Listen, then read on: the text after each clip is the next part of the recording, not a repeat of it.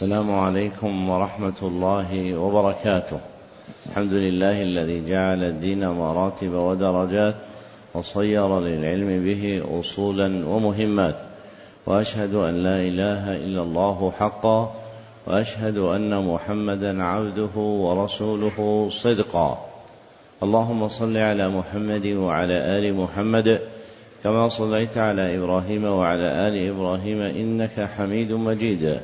اللهم بارك على محمد وعلى آل محمد كما باركت على إبراهيم وعلى آل إبراهيم إنك حميد مجيد. أما بعد فحدثني جماعة من الشيوخ وهو أول حديث سمعته منهم بإسناد كل إلى سفيان بن عيينة عن عمرو بن دينار عن أبي قابوس مولى عبد الله بن عمرو عن عبد الله بن عمرو بن العاص رضي الله عنهما أنه قال قال رسول الله صلى الله عليه وسلم الراحمون يرحمهم الرحمن ارحموا من في الأرض يرحمكم من في السماء. ومن آكد الرحمة رحمة المعلمين بالمتعلمين في تلقينهم أحكام الدين وترقيتهم في منازل اليقين. ومن طرائق رحمتهم إيقافهم على مهمات العلم بإقراء أصول المتون. وتبيين مقاصدها الكلية ومعانيها الإجمالية. ليستفتح بذلك المبتدئون تلقيهم ويجد فيه المتوسطون ما يذكرهم ويطلع منه المنتهون إلى تحقيق مسائل العلم. وهذا شرح الكتاب الخامس من برنامج مهمات العلم في سنته العاشرة أربعين وأربعمائة وألف وهو كتاب كشف الشبهات. لإمام الدعوة الإصلاحية في جزيرة العرب في القرن الثاني عشر الشيخ محمد بن عبد الوهاب بن سليمان التميمي رحمه الله المتوفى سنة ست ومائتين وألف نعم. الحمد لله رب العالمين وصلى الله وسلم على نبينا محمد وعلى آله وصحبه أجمعين اللهم اغفر لشيخنا ولوالديه ولمشايخه وللمسلمين أجمعين. وبإسنادكم حفظكم الله تعالى إلى الإمام محمد بن عبد الوهاب رحمه الله أنه قال في كتابه كشف الشبهات بسم الله الرحمن الرحيم. اعلم رحمك الله أن التوحيد هو إفراد الله سبحانه وتعالى بالعبادة وهو دين الرسل الذي أرسلهم الله عز وجل به إلى عباده. فأولهم نوح عليه السلام أرسله الله إلى قومه لما غلوا في الصالحين ود وسواع ويغوث ويعوق ونسر. وآخر الرسل محمد صلى الله عليه وسلم وهو الذي كسر صور هؤلاء الصالحين. أرسله الله إلى أناس يتعبدون ويحجون ويتصدقون ويذكرون الله كثيرا. ولكنهم يجعلون بعض المخلوقين وسائط بينهم وبين الله عز وجل يقولون نريد منهم التقرب إلى الله تعالى. ونريد شفاعتهم عنده مثل الملائكة وعيسى ومريم وأناس غيرهم من الصالحين. فبعث الله تعالى محمدا صلى الله عليه وسلم يجدد لهم دينهم دين أبيهم إبراهيم. ويخبرهم أن هذا التقرب والاعتقاد محض حق الله تعالى لا يصلح منه شيء لغيره لا لملك مقرب ولا لنبي مرسل فضلا عن غيرهما. وإلا فهؤلاء المشركون الذين قاتلهم رسول الله صلى الله عليه وسلم يشهدون أن الله هو الخالق وحده لا شريك له وأنه لا يرزق إلا هو ولا يحيي ولا يميت إلا هو ولا يدبر الأمر إلا هو وأن جميع السماوات السبع ومن فيهن والارضين السبع ومن فيهن كلهم عبيده وتحت تصرفه وقهره.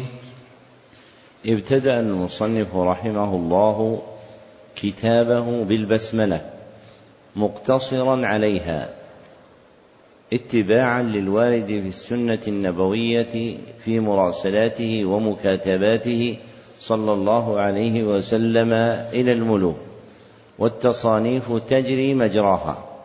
ثم بين حقيقة التوحيد فقال اعلم رحمك الله أن التوحيد هو إفراد الله سبحانه بالعبادة والتوحيد له في الشرع معنيان أحدهما عام وهو إفراد الله بحقه وهو إفراد الله بحقه وحق الله نوعان حق في المعرفة والإثبات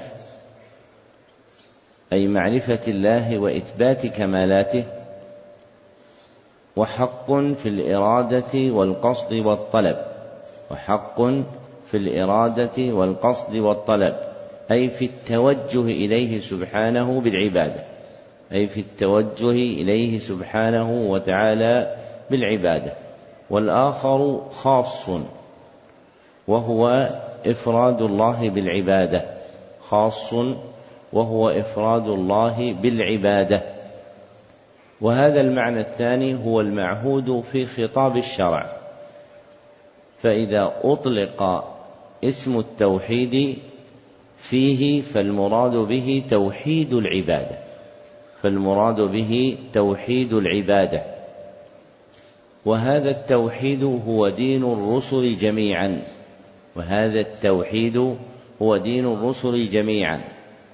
فإن الله بعثهم في الأمم يدعونهم إلى إفراد الله بالعبادة. فإن الله بعثهم في الأمم يدعونهم إلى إفراد الله بالعبادة. قال الله تعالى ولقد بعثنا في كل أمة رسولا أن اعبدوا الله واجتنبوا الطاغوت وكان أول أولئك الرسل المبعوثين إلى أممهم هو نوح عليه الصلاة والسلام. فإن الناس كانوا بعد أبيهم آدم على التوحيد عشرة قرون. ثبت هذا في الصحيح أي عشرة أجيال من الناس. ثم غيروا وبدلوا. وكان ابتداء تغييرهم في قوم نوح أي في الذين بعث فيهم نوح عليه الصلاة والسلام. وابتدأ تغييرهم بغلوهم في الصالحين. وابتدأ تغييرهم بغلوهم في الصالحين. فكان في قوم نوح رجال صالحون. فلما ماتوا عكفوا على قبورهم ليشتاقوا إلى عبادة الله فيعبدون الله سبحانه وتعالى بذكر أحوال أولئك الصالحين.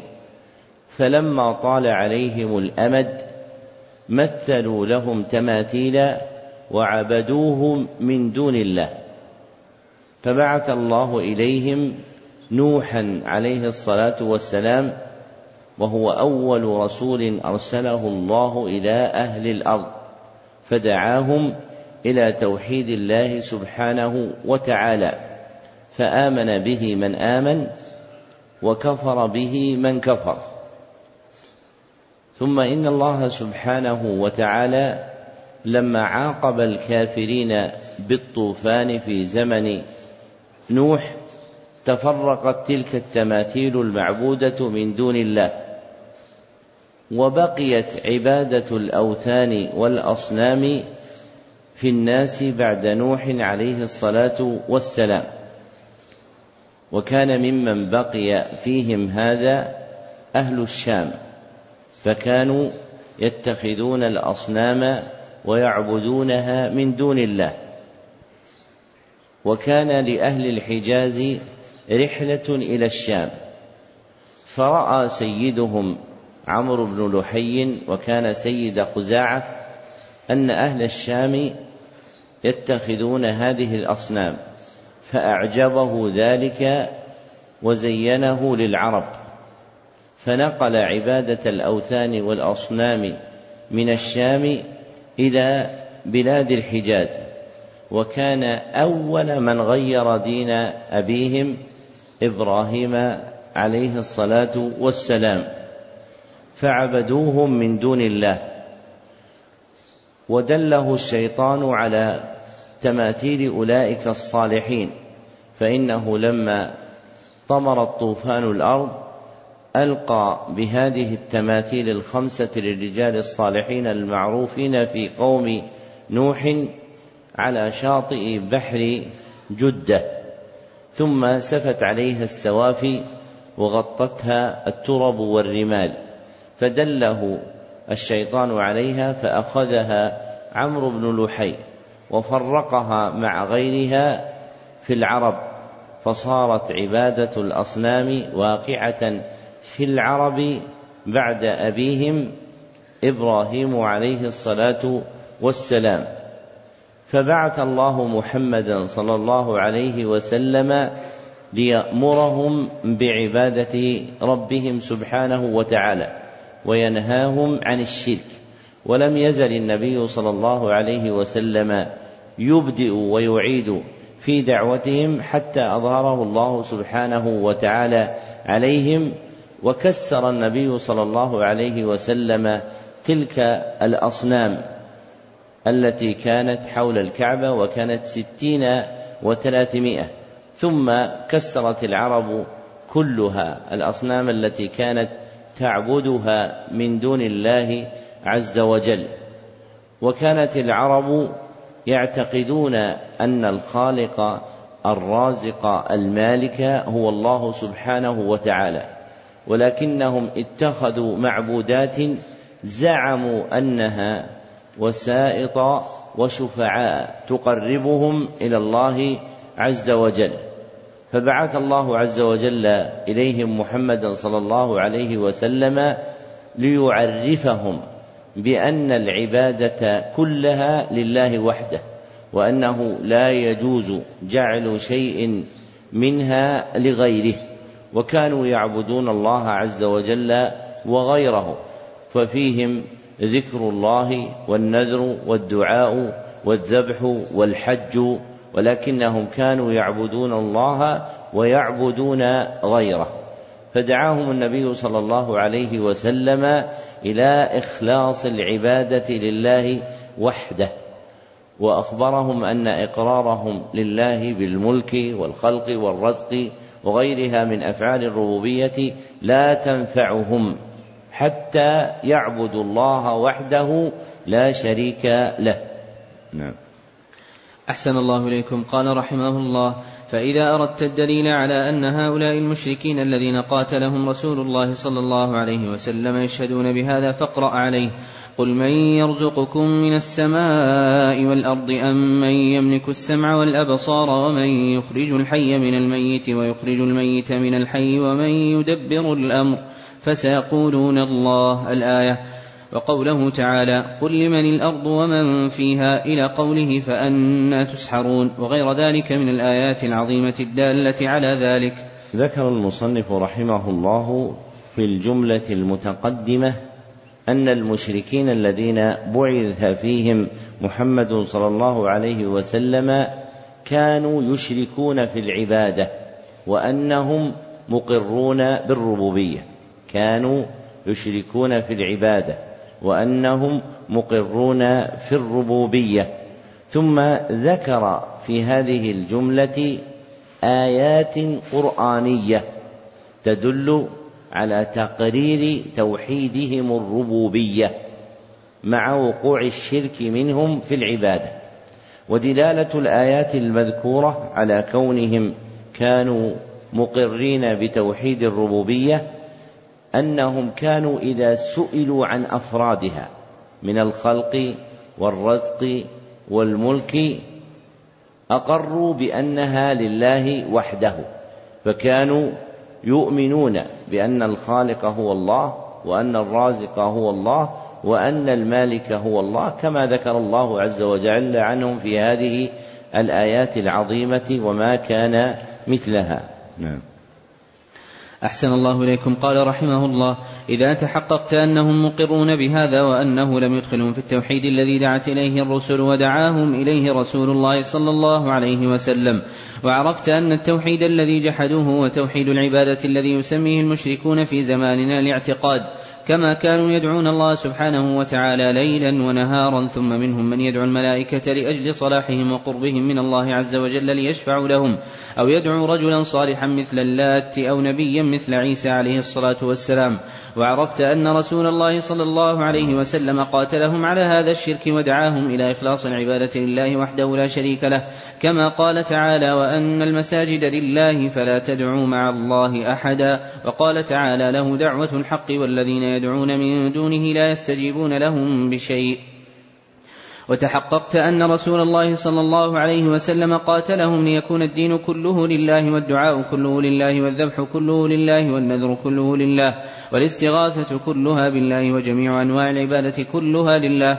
وعرفت أن إقرارهم بتوحيد الربوبية لم يدخلهم في الإسلام وأن قصدهم الملائكة أو الأنبياء أو الأولياء يريدون شفاعتهم والتقرب إلى الله بذلك. هو الذي أحل دماءهم وأموالهم. عرفت حينئذ التوحيد الذي دعت إليه الرسل عليهم الصلاة والسلام وأبى عن الإقرار به المشركون. ذكر المصنف رحمه الله في هذه الجملة مقدمات سبع رتب عليها نتيجة جليلة. ذكر المصنف رحمه الله في هذه الجملة مقدمات سبع رتب عليها نتيجة جليلة. فأولها في قوله إذا تحققت أنهم مقرون بهذا أي مقرون بتوحيد الربوبية أي مقرون بتوحيد الربوبية. وثانيها في قوله أنه لم يدخلهم في التوحيد الذي دعت إليه الرسل ودعاهم إليه رسول الله صلى الله عليه وسلم. فإقرارهم بتوحيد الربوبية لم يدخلهم في توحيد الألوهية. فإقرارهم بتوحيد الربوبية لم يدخلهم في توحيد الألوهية. فكانوا مقرين بتوحيد الربوبية منكرين توحيد الألوهية والعبادة. فكانوا مقرين بتوحيد الربوبية منكرين توحيد الألوهية والعبادة الذي حقيقته إفراد الله عز وجل بأنواع القرب التي يتقرب بها الخلق. وثالثها في قوله وعرفت أن التوحيد الذي جحدوه هو توحيد العبادة الذي يسميه المشركون في زماننا الاعتقاد كما كانوا يدعون الله سبحانه وتعالى ليلا ونهارا ثم منهم من يدعو الملائكة لأجل صلاحهم وقربهم من الله عز وجل ليشفعوا لهم أو يدعو رجلا صالحا مثل اللات أو نبيا مثل عيسى. فالتوحيد الذي جحدوه هو التوحيد المتعلق بإفراد الله بأعمال الخلق من القرب. فالتوحيد الذي جحدوه هو التوحيد المتعلق بإفراد بإفراد الله بأعمال الخلق من القرب فكانوا يتوجهون إليهم بالدعاء والذبح والنذر وغيرها من أنواع العبادة. وهذا الذي كانوا عليه هو الذي يسميه المشركون في الزمن المتأخر الاعتقاد فيدعون أن فلانا معتقد فيه. أو أن للناس فيه اعتقادا حسن أي أنه يقع منه نفع وضر فيتوجه إليه بالأعمال الصالحة أي أنه يقع منه نفع وضر فيتوجهون إليه بالأعمال الصالحة فيجعلون له من الأعمال ما يجعلون من عباداتهم كما كان المشركون الأولون يجعلون ما يجعلون من عباداتهم لمعبوداتهم. فما عليه المتأخرون من الاعتقاد في معظميهم. هو نظير ما كان عليه الأولون من الاعتقاد في آلهتهم.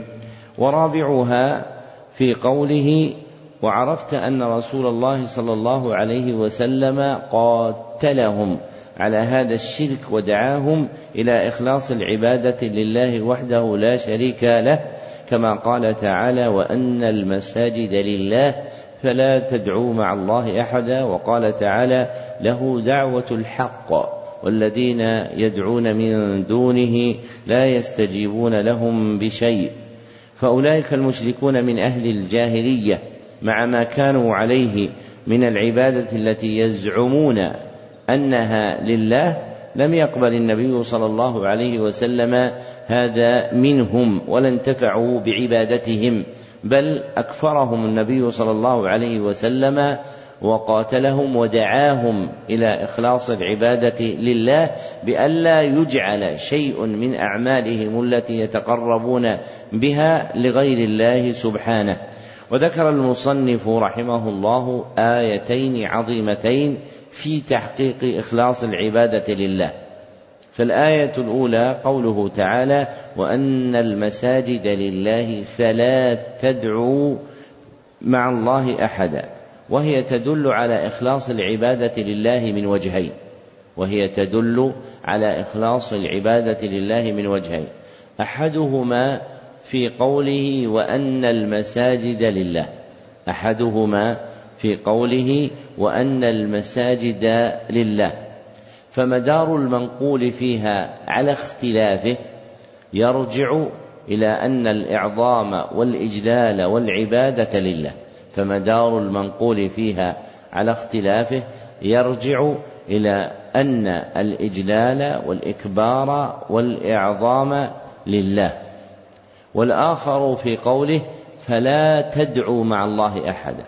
والآخر في قوله فلا تدعوا مع الله أحدا فهو نهي عن عبادة غيره فهو نهي عن عبادة غيره يستلزم الأمر بتوحيده سبحانه يستلزم الأمر بتوحيده سبحانه بأن لا يجعل شيء من العبادة لغيره كائنا من كان بأن لا يجعل شيء من العبادة لغيره كائنا من كان. فقوله أحد نكرة في سياق النهي نكرة في سياق النهي وهي تفيد العموم وهي تفيد العموم. ففيها نفي العبادة عن غير الله ففيها نفي العبادة عن غير الله. وعدت الآية نهيا عن عبادة عن عبادة غير الله لأن اسم الدعاء يقع في خطاب الشرع ويراد به العبادة وعدت الآية نهيا عن عبادة غير الله لأن الدعاء يقع في خطاب الشرع ويراد به العبادة. ومنه حديث النعمان بن بشير رضي الله عنهما أن النبي صلى الله عليه وسلم قال الدعاء هو العباد. قال الدعاء هو العبادة. فمعنى قوله سبحانه وتعالى فلا تدعوا مع الله أحدا أي فلا تعبدوا مع الله أحدا. والآية الثانية قوله تعالى له دعوة الحق والذين يدعون من دونه لا يستجيبون لهم بشيء. ودلالتها على إخلاص العبادة لله وحده من وجهين. أحدهما في قوله له دعوة الحق أي له الدعوة الثابتة الصحيحة أي له الدعوة الثابتة الصحيحة وهي عبادته وحده وهو وهي عبادته وحده كما قال الله ألا لله الدين الخالص كما قال الله ألا لله الدين الخالص. فالدين الحق هو عبادة الله وحده بأن لا يشرك معه أحد. فالدين الحق هو عبادة الله وحده بأن لا يشرك به أحد. والآخر في قوله والذين يدعون من دونه لا يستجيبون لهم بشيء مبطلا الانتفاع بدعوة غيره مبطلا الانتفاع بدعوة غيره لأنه لا يستجيب لداعيه. بأنه لا يستجيب لداعيه. فالذي يستحق الدعاء هو من يستجيب لداعيه. فالذي يستحق الدعاء هو من يستجيب لداعيه. وهذا هو الله وحده. وهذا هو الله وحده. فبطلت عبادة غيره. ووجب إخلاص العبادة له وحده. فبطلت عبادة غيره. ووجب إخلاص العبادة له وحده. وخامسها في قوله وتحققت أن رسول الله صلى الله عليه وسلم قاتلهم ليكون الدين كله لله والدعاء كله لله والذبح كله لله والنذر كله لله والاستعانة كلها بالله وجميع أنواع العبادة كلها لله. فالنبي صلى الله عليه وسلم قاتلهم ليخلصوا دينهم لله. فالنبي صلى الله عليه وسلم قاتلهم ليخلصوا دينهم لله بأن يجعلوا عباداتهم كلها له وحده بأن يجعلوا عباداتهم كلها له وحده. وخامسها وسادسها في قوله وعرفت أن إقرارهم بتوحيد الربوبية لم يدخلهم في الإسلام وعرفت أن إقرارهم بتوحيد الربوبية لم يدخلهم في الإسلام. أي عرفت ما كانوا عليه من إقرارهم بأن الله هو الخالق الرازق المالك لم يدخلهم في الإسلام الذي بعث به النبي صلى الله عليه وسلم ولم يعصم ذلك دماءهم وأموالهم وأعراضهم. فمع كونهم مقرين بالربوبية إجمالا إلا أنهم لم يصيروا مسلمين. فمع أنهم مقرون بالربوبية إجمالا لم يصيروا مسلمين. والفرق بين هذه المقدمة والمقدمة الثانية أن المقدمة الثانية تتعلق بالإسلام بمعناه العام. والفرق بين هذه المقدمة والمقدمة الثانية أن المقدمة الثانية تتعلق بالإسلام العام بالإسلام بمعناه العام الذي هو الاستسلام لله بالتوحيد الذي هو الاستسلام لله بالتوحيد وهو دين الرسل جميعا وهو دين الرسل جميعا.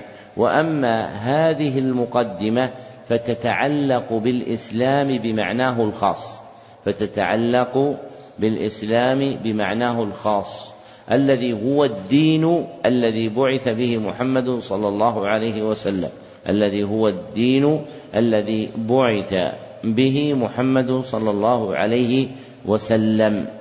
فالمقدمة الثانية في نفي شيء وهو الإسلام العام عنهم فالمقدمة الثانية في نفي شيء وهو الإسلام العام عنهم وهذه المقدمة السادسة في نفي شيء آخر وهو الإسلام الخاص عنهم فنفي عنهم كونهم مسلمين بما جاء به النبي صلى الله عليه وسلم. وسابعها في قوله وأن قصدهم الملائكة أو الأنبياء أو الأولياء يريدون شفاعتهم والتقرب إلى الله بذلك هو الذي أحل دماءهم وأموالهم. أي أن الموجب لمنع دخولهم في دين الإسلام هو ما كانوا عليه.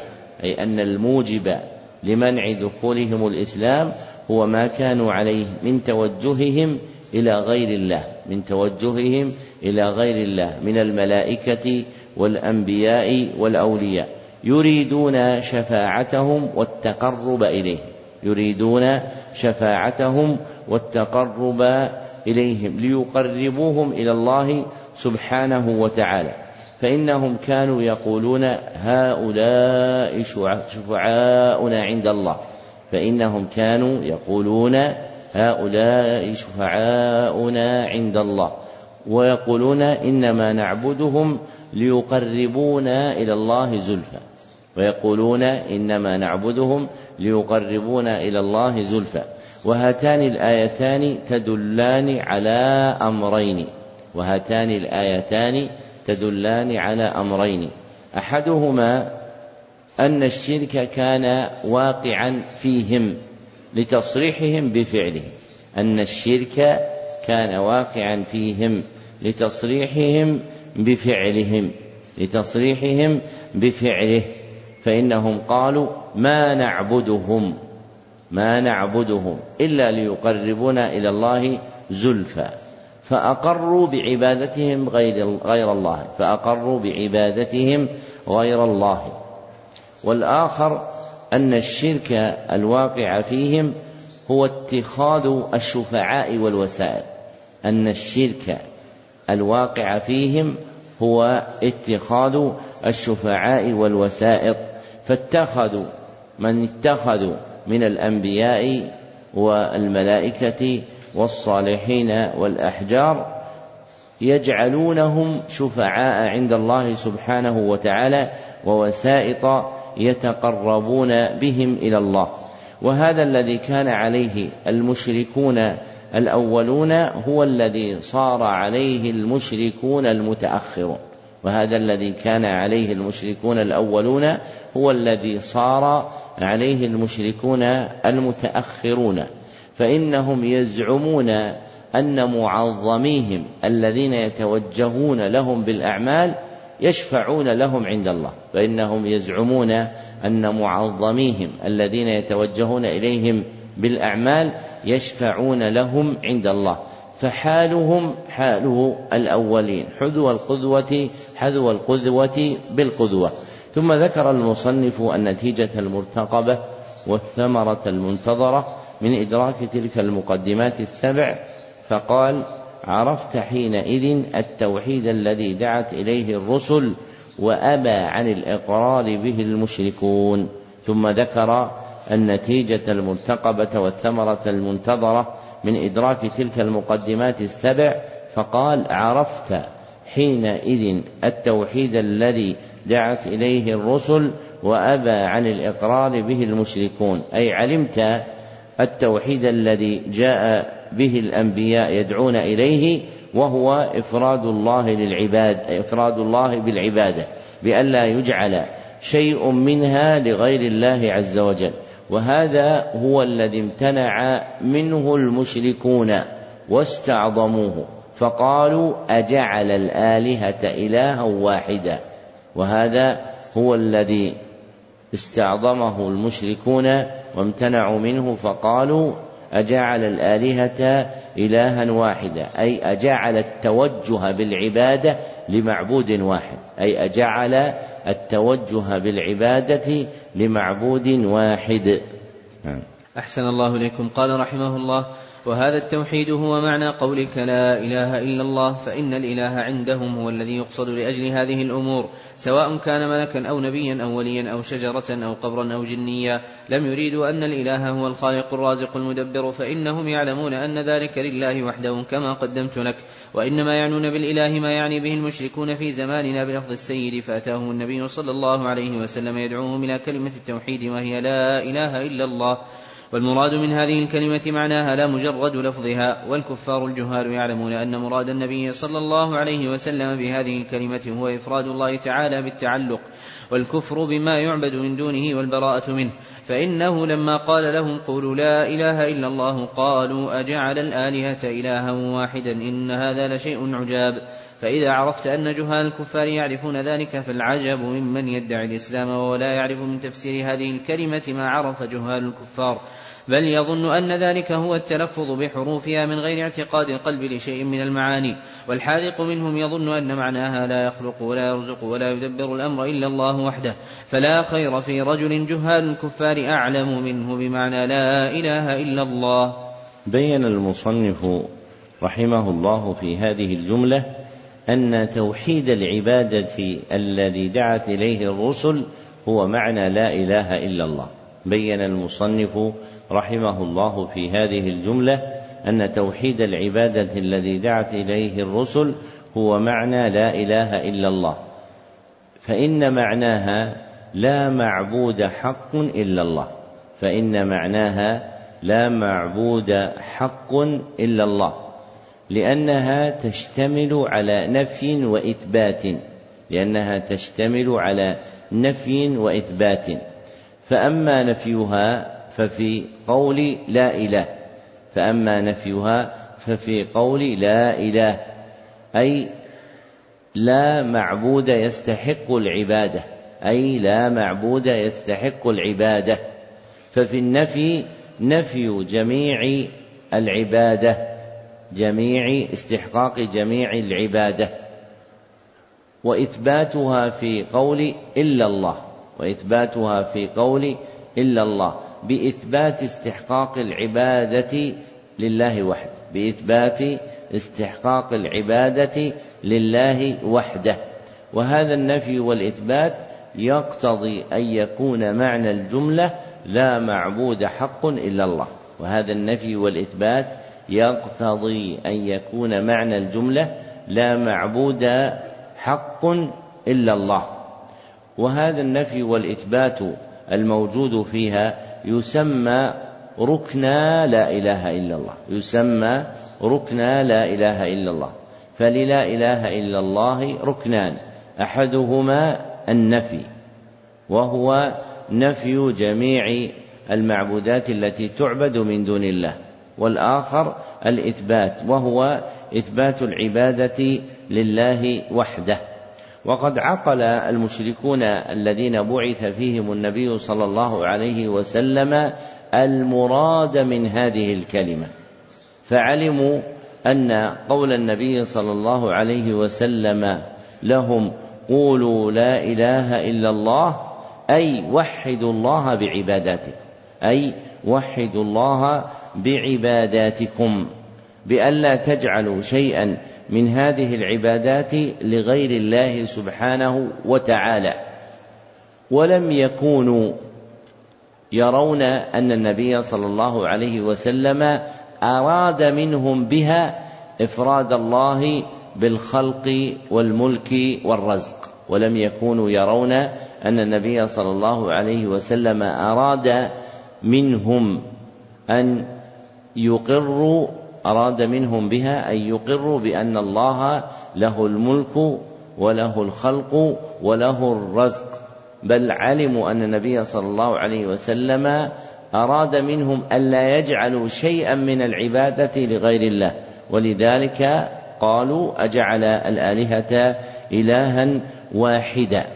فكانوا يعرفون أن المراد بالإله هو المعبود.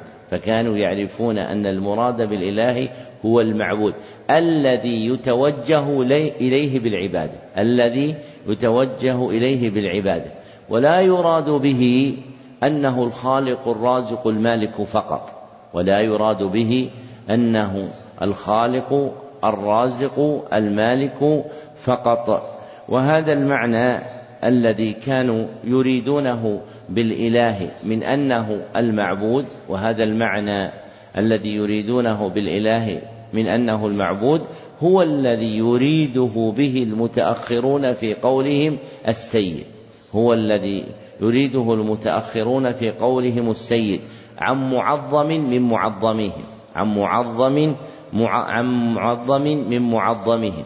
فإنهم يريدون بالسيد من يتوقع منه النفع والضر فيجعلون له عملا من أعمالهم من يتوقع منه النفع والضر فيجعلون له عملا من أعمالهم فيتوجهون إليه بالدعاء أو الاستغاثة أو النذر أو الذبح أو غير ذلك من أنواع العبادة التي يتقربون بها إلى ذلك المعظم الذي يسمونه سيدا. وأولئك الذين كانوا يعتقدون ما يعتقدون من مشرك العرب في من يعظمونه بعث الله إليهم محمدا صلى الله عليه وسلم يدعوهم إلى كلمة التوحيد لا إله إلا الله. وأراد منهم نفي جميع المعبودات دون الله. وأراد منهم نفي جميع المعبودات دون الله. بأن يعبدوا الله وحده ويبطلوا عبادته. فالمراد من هذه الكلمة هو معناها لا مجرد لفظها. فالمراد من هذه الكلمة هو معناها لا مجرد لفظها. فمقصود الشريعة من قول لا إله إلا الله فمقصود الشريعة من قول لا إله إلا الله هو التكلم بها. مع اعتقاد معناها والعمل بمقتضاها فمقصود الشريعة من قول لا إله إلا الله هو التكلم بها مع اعتقاد معناها والعمل بمقتضاها. وكان الكفار الجهال الذين بعث فيهم النبي صلى الله عليه وسلم يعتقدون أن هذا هو معنى لا إله إلا الله. يعتقدون أن هذا هو معنى لا إله إلا الله فيعرفون أن المراد إبطال عبادة غير الله فامتنعوا عن ذلك فهم عرفوا معناها وامتنعوا عن الإقرار بها فهم عرفوا معناها وامتنعوا عن الإقرار بها فكانوا يدركون أن الإقرار بلا إله إلا الله إبطال لعبادة غير الله سبحانه وتعالى من معبوداتهم التي يعبدون وحصر العبادة في الله سبحانه وتعالى. وأن هذا المعنى الذي عقله الأولون من لا إله إلا الله هو الذي جهله متأخر هذه الأمة. كما قال كما ذكر المصنف أن متأخر المشركين من هذه الأمة لا يعرفون من تفسير لا إله إلا الله ما عرفه جهال الكفار ما عرفه جهال الكفار. وذكر من هؤلاء طائفتين وذكر من هؤلاء طائفتين. الطائفة الأولى هم المذكورون في قوله بل يظن أن ذلك هو التلفظ بحروفها من غير اعتقاد لشيء من المعاني. الطائفة الأولى هم المذكورون في قوله بل يظن أن ذلك هو التلفظ بحروفها من غير اعتقاد القلب لشيء من المعاني. فيظنون أن المقصود هو أن يقول المرء بلسانه لا إله إلا الله. فيصير مسلما بمجرد هذا القول ولو فعل ما فعل. وأنه إذا قالها صار مسلما ولو لم يعتقد معناها ولا عمل بمقتضاها فتجده يدعو الله ويدعو غيره ويستغيث بالله ويستغيث بغيره ويذبح لله ويذبح لغيره وينذر لله وينذر لغيره وهذا خلاف مقصود الشريعة منها فإن مقصود الشريعة منها كما تقدم أن يقولها معتقدا معناها عاملا بمقتضاها ولو عقل ذلك لم يجعل شيئا من العبادة لغير الله سبحانه وتعالى. والطائفة الثانية هم من ينتسب إلى الحذق والمعرفة والفهم منهم. الزاعمين أن الزاعمون أن معناها لا يخلق ولا يرزق ولا يدبر إلا الله. فيفسرون الإله هنا بالقادر على الاختراع. فيفسرون الإله هنا بالقادر على الاختراع. فكلمة التوحيد عندهم معناها لا خالق ولا رازق ولا محيي ولا مميت إلا الله. فيجعلون التوحيد الذي دعت إليه الرسل وطولب به الخلق هو الإقرار بتوحيد الربوبية وهذا مناقض لما دل عليه القرآن والسنة من أن أصل دعوة الأنبياء والرسل هو الإقرار بتوحيد الألوهية من أن أصل دعوة الأنبياء والرسل هو الإقرار بدعوة الألوهية. فجمهور الخلق قديما وحديثا على الإقرار بتوحيد الربوبية فيثبتون أن الخلق والملك والرزق والتدبير لله. ووقعت الخصومة بينهم وبين أنبيائهم في توحيد العبادة أي في جعل عبادتهم كلها لله سبحانه وتعالى. فهؤلاء جهلوا معنى لا إله إلا الله إذ زعموا أن متعلقها هو أفعال الربوبية. وحقيقة معناها أنها متعلقة بإفراد العبادة لله سبحانه وتعالى. ومما يعجب منه العاقل الفطن حال هاتين الطائفتين المدعيتين الإقرار بلا إله إلا الله المنتسبتين إلى أهلها. كيف يتفوهون بما يذكرون أنه هو المراد؟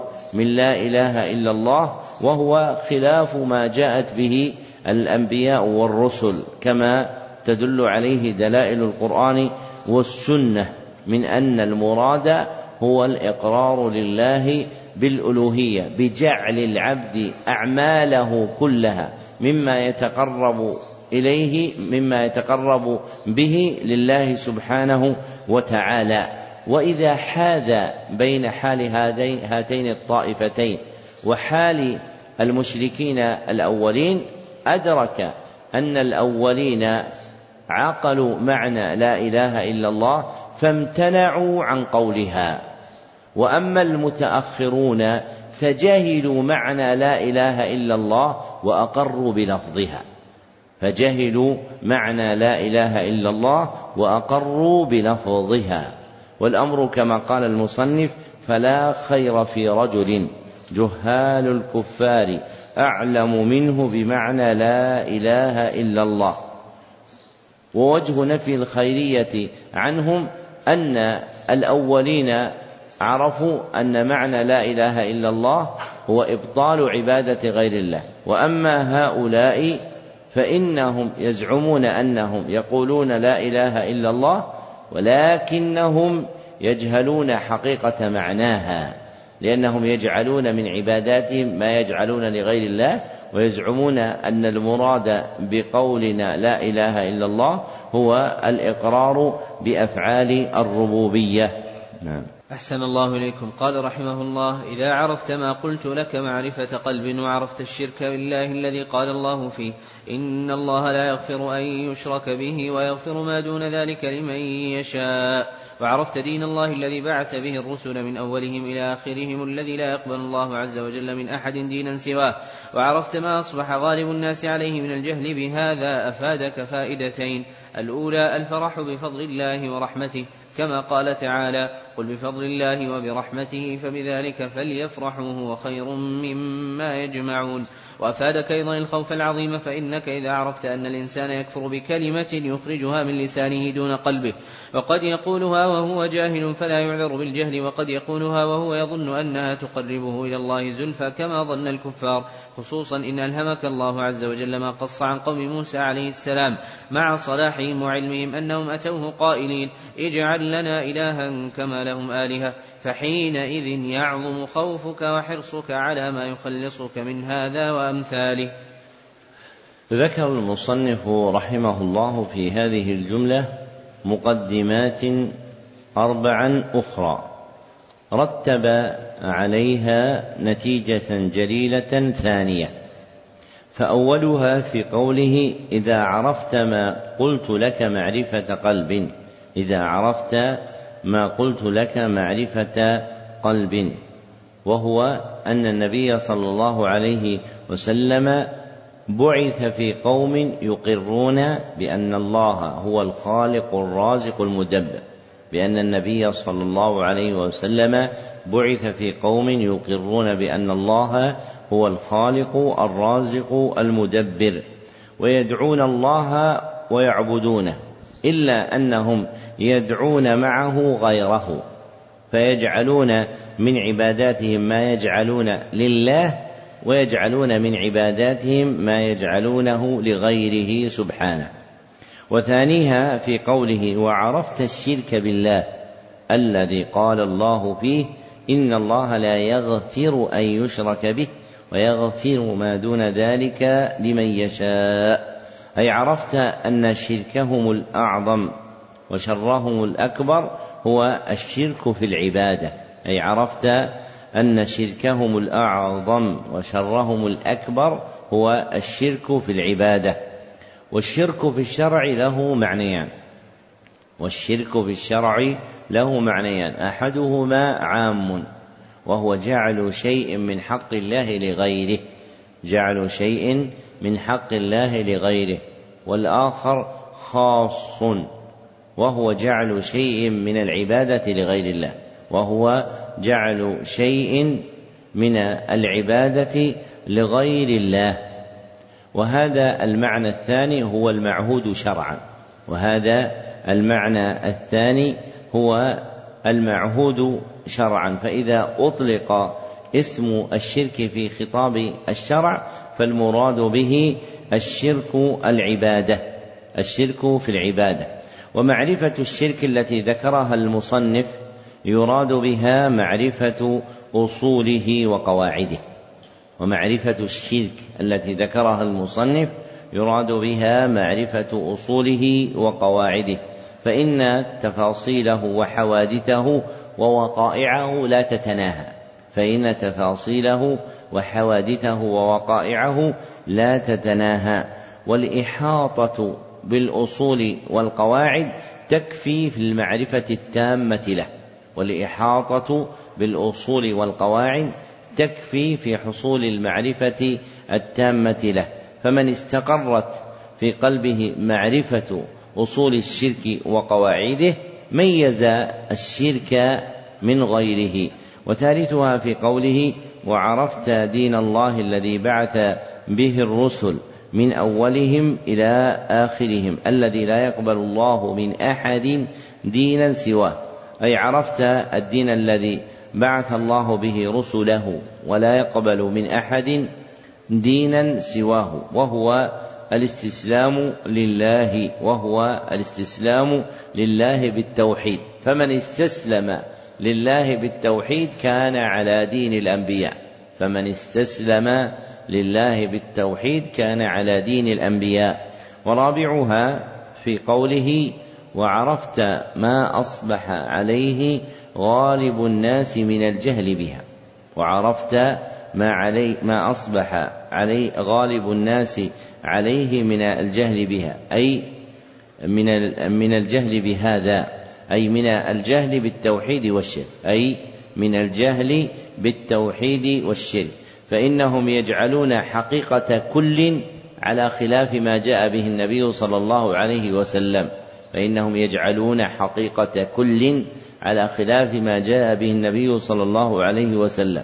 فيجعلون الشرك توحيدا ويجعلون التوحيد شركا. فيجعلون الشرك توحيدا ويجعلون التوحيد شركا.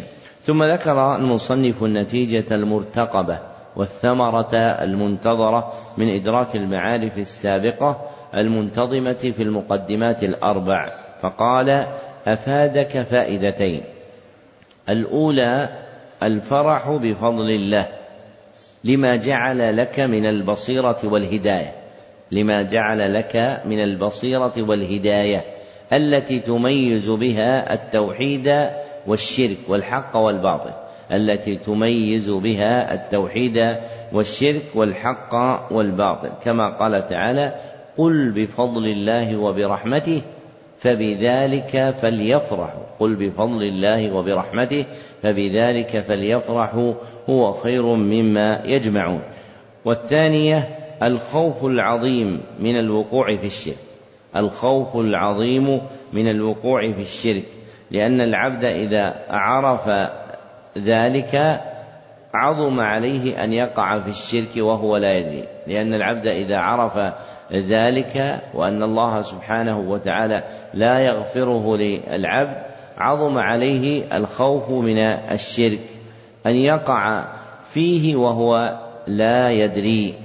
وصح عن ابن مسعود رضي الله عنه عند ابن أبي شيبة وعبد الرزاق أنه قال الشرك بضعة وسبعون بابا. الشرك بضع الشرك بضع الشرك بضعة وسبعون بابا. والمراد به تكثير أنواعه. والمراد به تكثير أنواعه. مما يرجع إليه من المسائل والوقائع والحوادث التي تعد شركا بالله سبحانه وتعالى. فيخاف العبد أن يقع في شيء منها فيخاف العبد أن يقع في شيء منها. وهذا الخوف كان حاضرا في قلب إبراهيم عليه الصلاة والسلام. لما دعا ربه فقال وجنبني وبني أن نعبد الأصنام. وهذا الخوف كان حاضرا في قلب إبراهيم الخليل عليه الصلاة والسلام. لما دعا ربه فقال واجنبني وبني أن نعبد الأصنام. فلتمام تحقيقه التوحيد عظم خوفه من الشرك. فدعا ربه أن يجنبه الوقوع فيه وأن يجنب بنيه بعده الوقوع فيه. وإذا كانت هذه حال إبراهيم الخليل فغيره أولى بتعظيم الخوف منه فغيره أولى بتعظيم الخوف منه. قال إبراهيم التيمي أحد التابعين من يأمن البلاء بعد إبراهيم من يأمن البلاء بعد إبراهيم. رواه ابن جرير وابن أبي حاتم في تفسيريهما. أي أن غير إبراهيم لا يأمن على نفسه أن يقع في الشرك فيشتد خوفه من الوقوع فيه. ومما يقوي الخوف من الشرك أن الإنسان قد يكفر بكلمة يخرجها من لسانه ومما يقوي الخوف من الشرك أن الإنسان قد يكفر بكلمة يخرجها من لسانه فيتكلم بها فيحبط الله عمله ويغضب عليه فيتكلم بها فيحبط الله عمله ويغضب عليه ويدخله النار بتلك الكلمة. كما وقع ممن وقع منه في غزوة تبوك مع النبي صلى الله عليه وسلم لما قالوا ما رأينا مثل قرائنا هؤلاء أرغب بطونا ولا أكذب ألسنا ولا أجبن عند اللقاء. إلى آخر ما ذكروا. فأكفرهم الله سبحانه وتعالى لقولهم الذي قالوا. وقال قد كفرتم بعد إيمانكم. وقد يقولها وقد يقول الإنسان تلك الكلمة كما ذكر المصنف وهو جاهل فلا يعذر. وقد يقول الإنسان تلك الكلمة كما ذكر المصنف وهو جاهل فلا يعذر لقيام الحجة عليه وتمكنه من معرفتها. لقيام الحجة عليه وتمكنه من معرفتها. فلما قامت عليه الحجة وكان متمكنا من معرفتها لم يعذر بكلمة الكفر التي وقع فيها. ثم ذكر المصنف عظيمة ثانية من عظائم من يتكلم بكلمة لا يلقي لها بالا فيكفر بها وهو أنه يقولها وهو يظن أنها تقربه إلى الله زلفى وهو أنه يقولها وهو يظن أنها تقربه إلى الله زلفى. كما كان المشركون يقولون هذا فيلبون بقولهم لبيك اللهم لبيك لبيك لا شريك لك إلا شريكا هو لك تملكه وما ملك. لبيك اللهم لبيك لبيك لا شريك لك إلا شريكا هو لك تملكه وما ملك. فكانوا يلبون بهذه الكلمة من الكفر يتقربون بها إلى الله سبحانه وتعالى. ثم ذكر المصنف واقعة من وقائع الأحوال تثمر في القلوب الخوف من الوقوع في الشرك وهي ما قص عن قوم موسى عليه الصلاة والسلام مع صلاحهم وعلمهم واتباعهم له لما مروا على قوم يعكفون على أصنام لهم فأعجبهم حالهم فقالوا لموسى اجعل لنا إلها كما لهم آلهة اجعل لنا إلها كما لهم آلهة. وإذا كان هذا واقعا من أناس صالحين يصحبون نبيا فوقوعهم في غيره أولى وإذا كان هذا واقعا من أناس صالحين يصحبون نبيا فوقوعهم فوقوعه من غيرهم أولى فالخوف على غيرهم أعظم. فالخوف على غيرهم أعظم. فينبغي أن يعظم العبد خوفه من الشرك وأن يشتد حرصه في تجنيب نفسه منه وأن يتحصن بالحصن الواقي له منه. ولا حصن أعظم في وقايته من العناية بعلم التوحيد فعلم التوحيد يميز به العبد التوحيد من الشرك فينجو. وهذا هو الذي يدعو أصحاب القلوب اليقظة إلى دوام تكرار تعليم التوحيد فهو يقوي في نفوسهم معرفته ويحول بينهم وبين الوقوع في الشرك ويكون بصيرة للمتعلمين فيعظم التوحيد في قلوبهم ويتحرزون من الشرك. وإذا فشى هذا في الأمة تحصنت من الشرك بحصن التوحيد. وإذا ضعف في المسلمين العناية بتعليم التوحيد سرى إليهم الشرك شيئا فشيئا حتى يعظم فيهم ويقع منهم ما وقع من الأولين لما ضعف فيهم التوحيد. ففي قصة قوم نوح كما تقدم أن ابن عباس قال لما ذكر عبادتهم الصالحين قال فلما نسي العلم عبدوهم من دون الله. فلما نسي العلم عبدوهم من دون الله. وفي رواية الكشميهني لصحيح البخاري فلما نسخ العلم يعني ذهب العلم عبدوهم من دون الله. والمراد بالعلم الذي ذهب ونسخ العلم بتوحيد الله سبحانه وتعالى. فإذا نسي التذكير بعلم التوحيد وتلاشى من الناس فلم يذكروا به فإن الشرك يربو ويزيد فيهم حتى يذهب توحيد الله.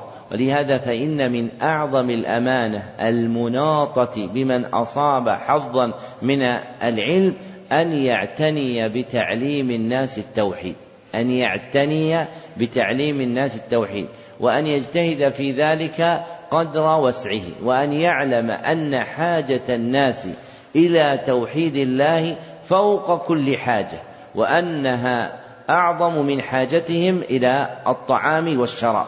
فلا ينبغي أن يخلي طالب العلم نفسه من تفهم علم التوحيد في حال التعلم ولا ينبغي أن يخلي نفسه منه حال التعليم. حتى لو قدر أنه صار مقدما في علم الفقه أو علم التفسير أو علم الحديث أو علم النحو أو علم أصول الفقه فلا ينبغي أن تخلو حلقته من تعلم وتعليم توحيد الله. فإن هذا أثبت لدينه هو. وأبصر له بمواقع التوحيد والشرك مع عظيم منفعته الناس فإنه يثبت فيهم توحيد الله سبحانه وتعالى ويزول منهم الشرك. نعم. أحسن الله إليكم. قال رحمه الله واعلم أن الله سبحانه من حكمته لم يبعث نبيا بهذا التوحيد إلا جعل له أعداء كما قال تعالى وكذلك جعلنا لكل نبي عدوا شياطين الإنس والجن. وقد يكون لأعداء التوحيد علوم كثيرة وكتب وحجج كما قال تعالى فلما جاءتهم رسلهم بالبينات فرحوا بما عندهم من العلم وحاق بهم ما كانوا به يستهزئون. ذكر المصنف رحمه الله في هذه الجملة أمرين عظيمين. أحدهما أن الله لم يبعث نبيا إلا جعل له أعداء من المشركين كما قال تعالى وكذلك جعلنا لكل, نبي عدوا شياطين الإنس والجن.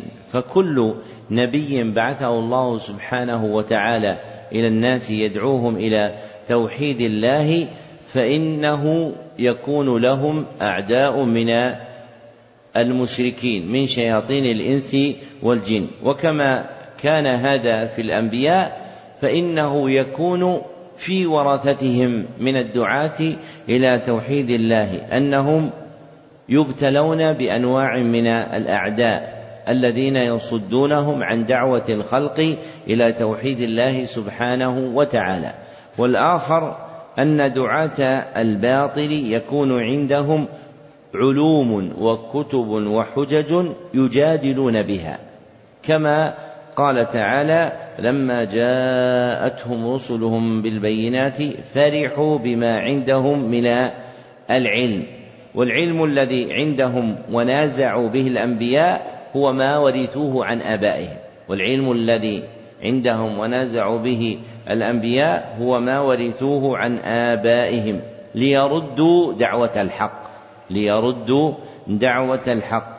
وتلك العلوم على الحقيقة زائفة وتلك العلوم على الحقيقة زائفة فهي وإن وجدت فيها صورة العلم فلا حقيقة لها فإنها وإن وجدت فيها صورة العلم فلا حقيقة لها لمخالفتها لدعوة الأنبياء والرسل لمخالفتها لدعوة الأنبياء والرسل فهم محجوبون بتلك الصورة التي يدعونها من العلم عن قبول دعوة الحق التي بعث بها الأنبياء فمتى عقل العبد أن ما يدعيه أولئك من العلوم والحجج والكتب والكتب هو محض سراب هان عليه إبطال مقالاتهم وصارت له قوة على الدعوة إلى توحيد الله سبحانه وتعالى.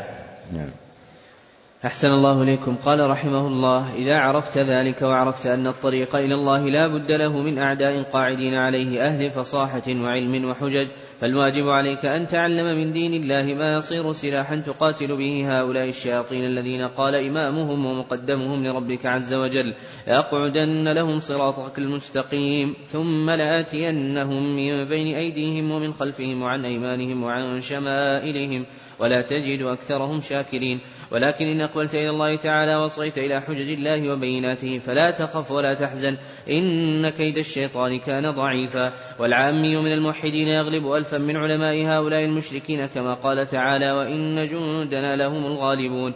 فجند الله تعالى هم الغالبون بالحجة واللسان كما أنهم هم الغالبون بالسيف والسنان.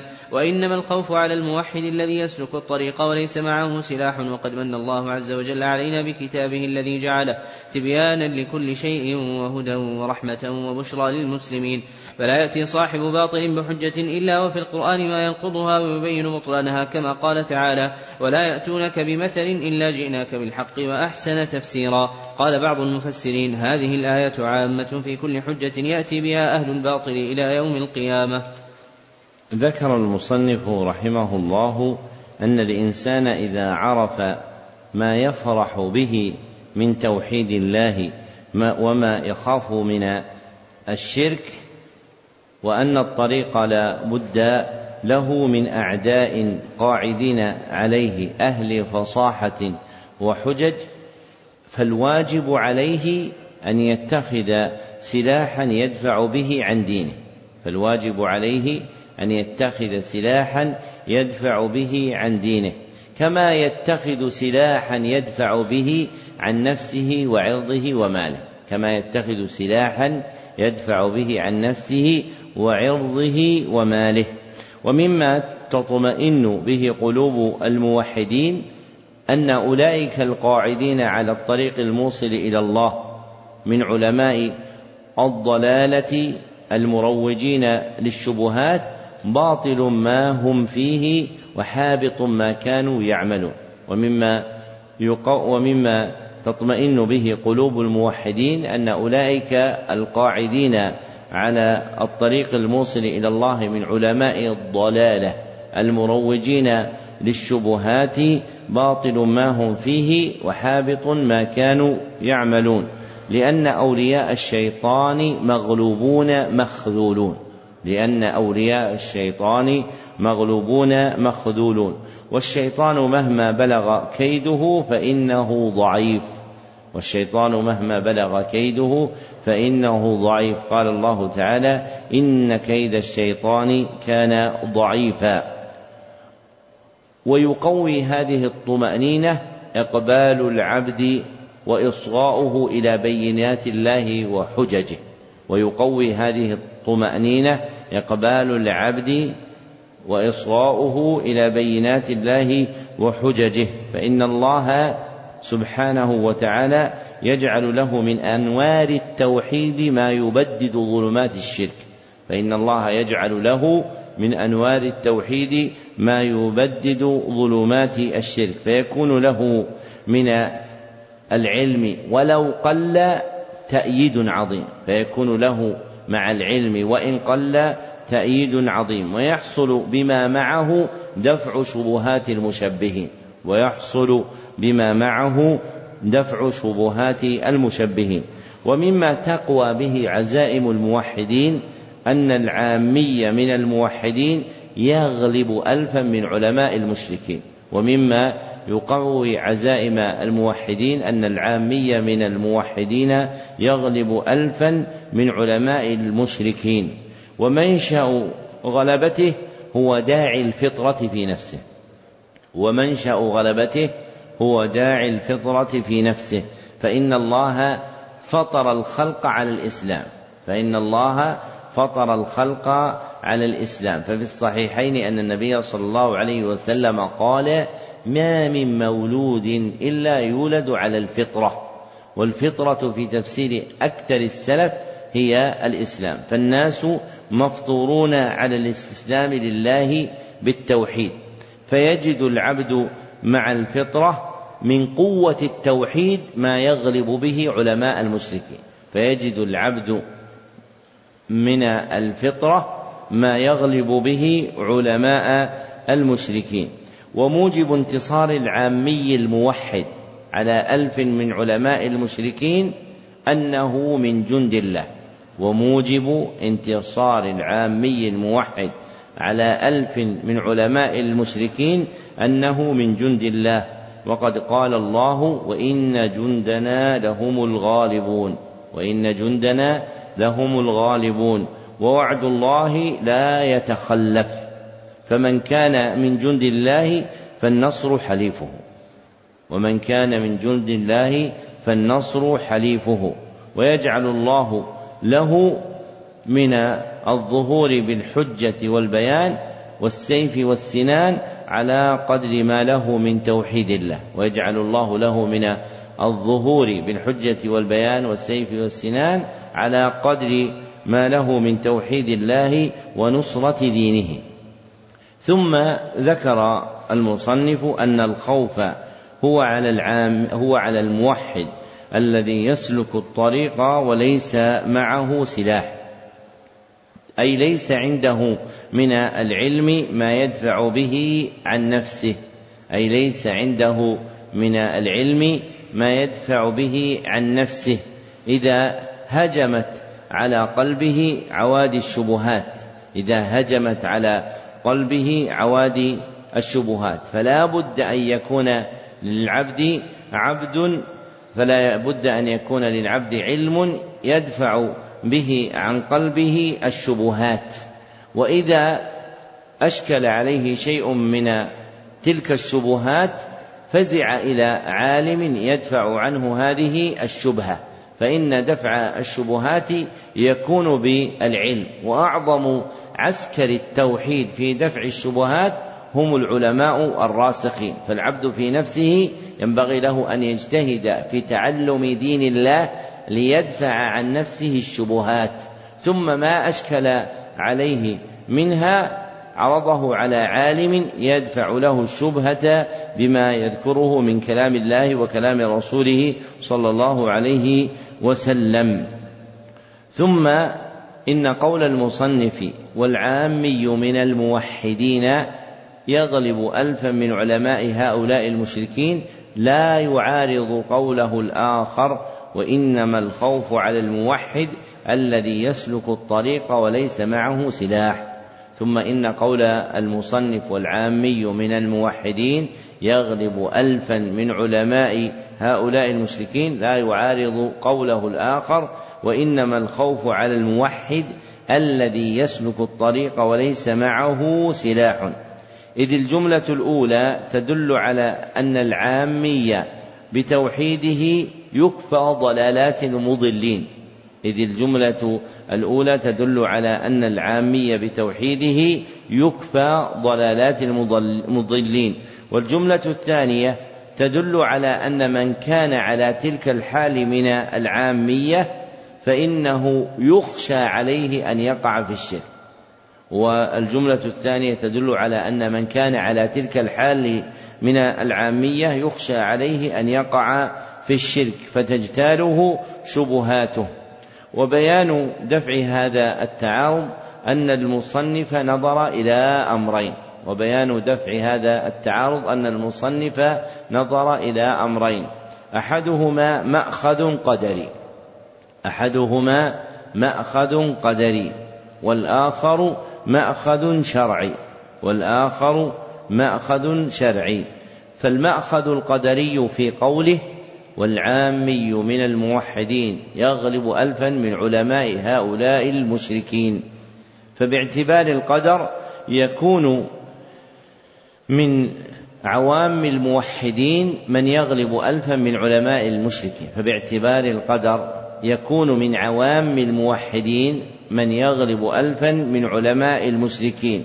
فإن الله يجري على لسانه الحق بحكمة منه سبحانه فإن الله يجري على لسانه الحق بحكمة منه سبحانه.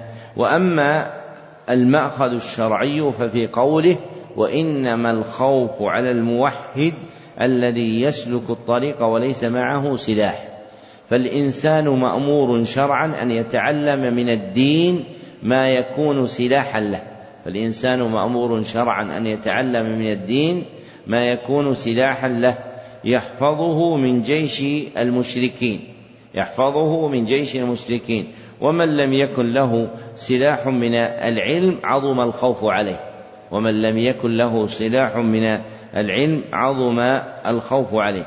فالجملة الأولى منشأها قدري كوني. فالجملة الأولى منشأها قدري كوني. والجملة الثانية منشأها شرعي ديني والجملة الثانية منشأها شرعي ديني فانتفى التعارض بينهما لاختلاف متعلقهما فانتفى التعارض بينهما لاختلاف متعلقهما. ثم ذكر المصنف السلاح الأكيد في إبطال الشرك والتنديد وهو كتاب الله عز وجل وهو كتاب الله عز وجل. فإنه لا يأتي صاحب باطل بحجة متوهمة إلا صارت شبهة ساقطة.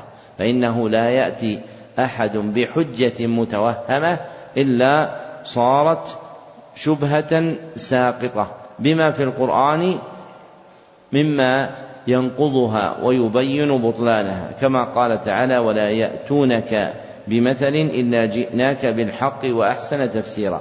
فكل دعوى تدعى على خلاف الحق فإن في القرآن ما يبطلها. والشأن في الإقبال على القرآن والاعتناء به ومعرفة معانيه. فمن تم هذا في قلبه تم له كشف شبهات أعداء الله في دينه. ومن نقصت معرفته بالقرآن نقص حظه من الحجج التي يبطل بها شبهات المشبهين. ولما كان العلماء أتم الناس علما بكتاب الله سبحانه وتعالى كانوا هم أجدر الناس بدفع الشبهات. فحالهم كما ذكر ابن القيم في مفتاح دار السعادة أن العالم الراسخ إذا ورد عليه جيش الشبهات ردها خائبة خاسرة شبهة شبهة. ردها خائبة خاسرة شبهة شبهة. ولا يتمكن من هذا إلا لقوة ما معه من العلم بدين الله وأصله هو العلم بالقرآن الكريم. نعم. أحسن الله إليكم. قال رحمه الله تعالى وأنا أذكر لك أشياء مما ذكر الله تعالى في كتابه جوابا لكلام احتج به المشركون في زماننا علينا فنقول جواب أهل الباطل من طريقين مجمل ومفصل. أما المجمل فهو الأمر العظيم والفائدة الكبيرة لمن عقلها وذلك قوله تعالى والذي أنزل عليك الكتاب منه آيات محكمات هن أم الكتاب وأخر متشابهات. وقد صح عن رسول الله صلى الله عليه وسلم أنه قال إذا رأيتم الذين يتبعون ما تشابه منه فأولئك الذين سمى الله فاحذروهم. مثال ذلك إذا قال لك بعض المشركين ألا إن أولياء الله لا خوف عليهم ولا هم يحزنون أو إن الشفاعة حق أو إن الأنبياء لهم جاه عند الله أو ذكر كلاما للنبي صلى الله عليه وسلم يستدل به على شيء من باطله وأنت لا تفهم معنى الكلام الذي ذكره. فجاوبه بقولك إن الله تعالى ذكر لنا في كتابه أن الذين في قلوبهم زيغ يتركون المحكم ويتبعون المتشابه وما ذكرت لك من أن الله عز وجل ذكر أن المشركين يقرون بالربوبية وأنه كفرهم بتعلقهم على الملائكة أو الأنبياء أو الأولياء مع قولهم هؤلاء شفعاؤنا عند الله وهذا أمر محكم لا يقدر أحد أن يغير معناه وما ذكرته لي أيها المشرك من القرآن أو كلام رسول الله صلى الله عليه وسلم لا أعرف معناه ولكن أقطع أن كلام الله عز وجل لا يتناقض وأن كلام النبي صلى الله عليه وسلم لا يخالف كلام الله عز وجل. وهذا جواب جيد سديد ولكن لا يفهمه إلا من وفقه الله تعالى. ولا تستهونه فإنه كما قال تعالى وما يلقاها إلا الذين صبروا وما يلقاها إلا ذو حظ عظيم. لما بين المصنف رحمه الله أن القرآن الكريم كاف في بيان الحق وإبطال الباطل شرع يذكر في كتابه هذا جوابا لكلام احتج به المشركون في زمانه على دعوة التوحيد. لما ذكر المصنف رحمه الله أن القرآن كاف في بيان الحق وإبطال الباطل شرع يذكر في كتابه هذا جوابا لكلام احتج به المشركون في زمانه على دعوة التوحيد. تؤخذ أصوله من القرآن الكريم. فبين أن الرد على الأقوال الباطلة يقع من طريقين. فبين أن رد الأقوال الباطلة يقع من طريقين. أحدهما طريق مجمل. طريق مجمل والمراد به القاعدة الكلية التي ترد إليها تفاصيل المسائل المشتبهة. القاعدة الكلية التي ترد إليها تفاصيل المسائل المشتبهة. والآخر طريق مفصل طريق مفصل والمراد به الجواب عن كل شبهة على حدة. الجواب عن كل شبهة على حدة. وبدأ بالجواب المجمل لأنه الأمر الكلي والفائدة الكبيرة لمن عقلها واستدل على تحقيقه بآية سورة آل عمران هو الذي أنزل عليك الكتاب منه آيات محكمات هن أم الكتاب وأخر متشابهات. فإن الله بين أن من القرآن ما هو محكم ومنه ما هو متشابه. فإن الله بين أن من القرآن ما هو محكم ومنه ما هو متشابه. والإحكام والتشابه المتعلق بالقرآن له معنيان. والإحكام والتشابه المتعلق بالقرآن له معنيان. أحدهما الإحكام والتشابه الكلي.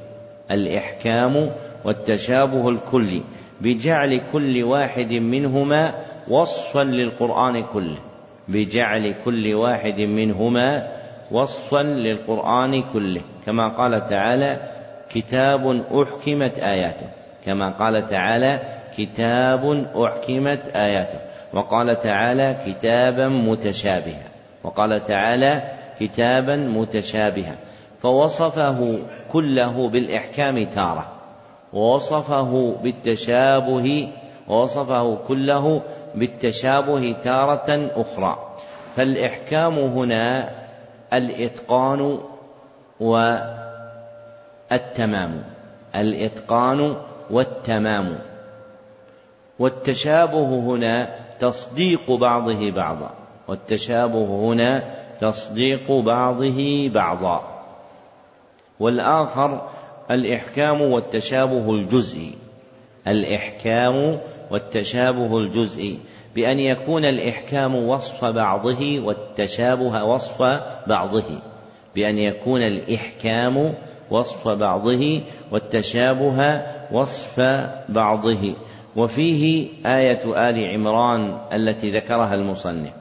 وفيه آية آل عمران التي ذكرها المصنف ففيها أن من القرآن ما هو محكم وأن منه ما هو متشابه. والإحكام والتشابه الجزئي للقرآن نوعان.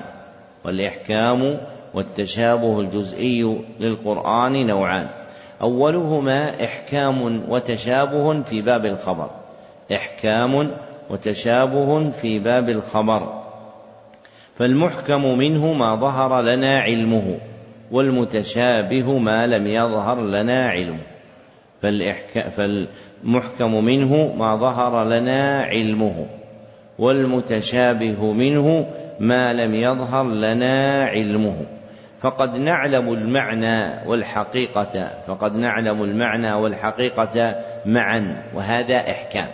فقد نعلم المعنى والحقيقة معا وهذا إحكام. وقد نعلم المعنى ولا نعلم الحقيقة وهذا تشابه. وقد نعلم المعنى ولا نعلم الحقيقة وهذا تشابه. فيجيء في باب الخبر ما يظهر لنا علمه بأن نعقل المعنى والحقيقة. ويجيء منه ما هو متشابه. نعقل فيه المعنى دون الحقيقة. فمثلا قوله تعالى في النبي صلى الله عليه وسلم ولكن رسول الله وخاتم النبيين. فهذا من باب المحكم في الخبر لأننا نعقل المعنى والحقيقة. وقوله تعالى فكانت وردة كالدهان من باب المتشابه في الخبر لأننا نعلم المعنى ولكننا لا نعلم حقيقة انشقاق السماء في الآخرة وإنما نعلم أنها تنشق. لكن حقيقة ذلك الانشقاق وكيف تكون حال السماء كما نعلم أنها الآن سامقة مرفوعة فوقنا فإننا لا نعلمه فيكون متشابها باعتبار الخبر. وثانيهما إحكام وتشابه في باب الطلب. إحكام وتشابه في باب الطلب. ونعني بالطلب ما يتعلق إيش؟ بالأمر والنهي. ما يتعلق بالأمر والنهي. فالمحكم منه ما اتضح معناه وعرفت دلالته. فالمحكم منه ما اتضح معناه وعرفت دلالته. والمتشابه منه ما لم يتضح معناه ولا عرفت دلالته. والمتشابه منه ما لم يتضح معناه ولا عرفت دلالته. ثم ذكر المصنف أن ما اشتبه على العبد في مقابل المحكم فإنه يتمسك بالمحكم. ثم ذكر المصنف أن ما اشتبه على العبد في مقابل المحكم فإنه يتمسك بالمحكم. ويعرض عن المتشابه. ويعرض عن المتشابه. وهذا مراد المصنف بالجواب المجمل. وهذا مراد المصنف بالجواب المجمل. وهو الأخذ بالمحكم والإعراض عن المتشابه. وهو الأخذ بالمحكم والإعراض عن المتشابه.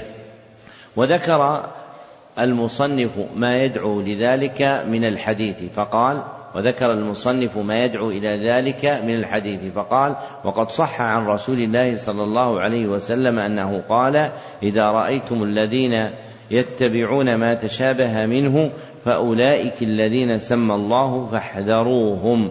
متفق عليه من حديث عائشة رضي الله عنهم والحذر من هؤلاء يجمع أمرين. والحذر من هؤلاء يجمع أمرين. أحدهما الحذر من شخوصهم فلا يصحبون. الحذر من شخوصهم فلا يصحبون. أي لا يتخذون أي لا يتخذون أصحابا.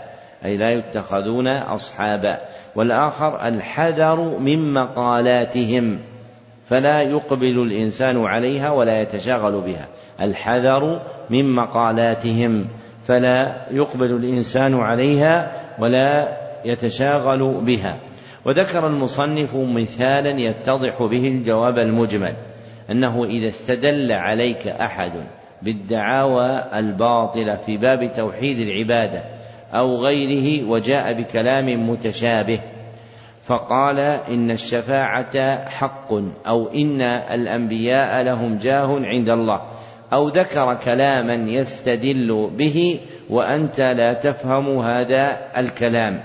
فالجواب القاطع المبطل تلك الشبهة أن تتمسك بإحكام القرآن في إخلاص العبادة لله سبحانه وتعالى. فإن القرآن ينضح ببيان أن الواجب على العبد أن يخلص العبادة لله وحده وأن يبطل عبادة غيره وأن المشركين الأولين كانوا مع إقرارهم بالربوبية منكرين توحيد العبادة. فلم يقبل النبي صلى الله عليه وسلم منهم إقرارهم بتوحيد الربوبية وجعلهم كافرين لأنهم لم يفردوا الله بالعبادة وكانوا يجعلون وسائط وشفعاء يتقربون إليها بما يتقربون من الأعمال. وما يذكره المشبه من الكلام فإن الأمر فيه كما قال المصنف فإنه كلام لا أعرف معناه وقوله لا أعرف معناه يحتمل أمرين وقوله لا أعرف معناه يحتمل أمرين. أحدهما لا أعرف معناه الذي تدعيه وتذكره وتستدل به لا أعرف معناه الذي تدعيه وتذكره وتستدل به. والآخر لا أعرف معناه الذي ذكره أهل العلم. لا أعرف معناه الذي ذكره أهل العلم. فهو ينفي المعرفة عن نفسه. فهو ينفي المعرفة عن نفسه مع جزمه بأن كلام الله لا يتناقض. مع جزمه بأن كلام الله لا يتناقض. وأن كلام النبي صلى الله عليه وسلم لا يخالف كلام الله. وأن كلام النبي صلى الله عليه وسلم لا يخالف كلام الله.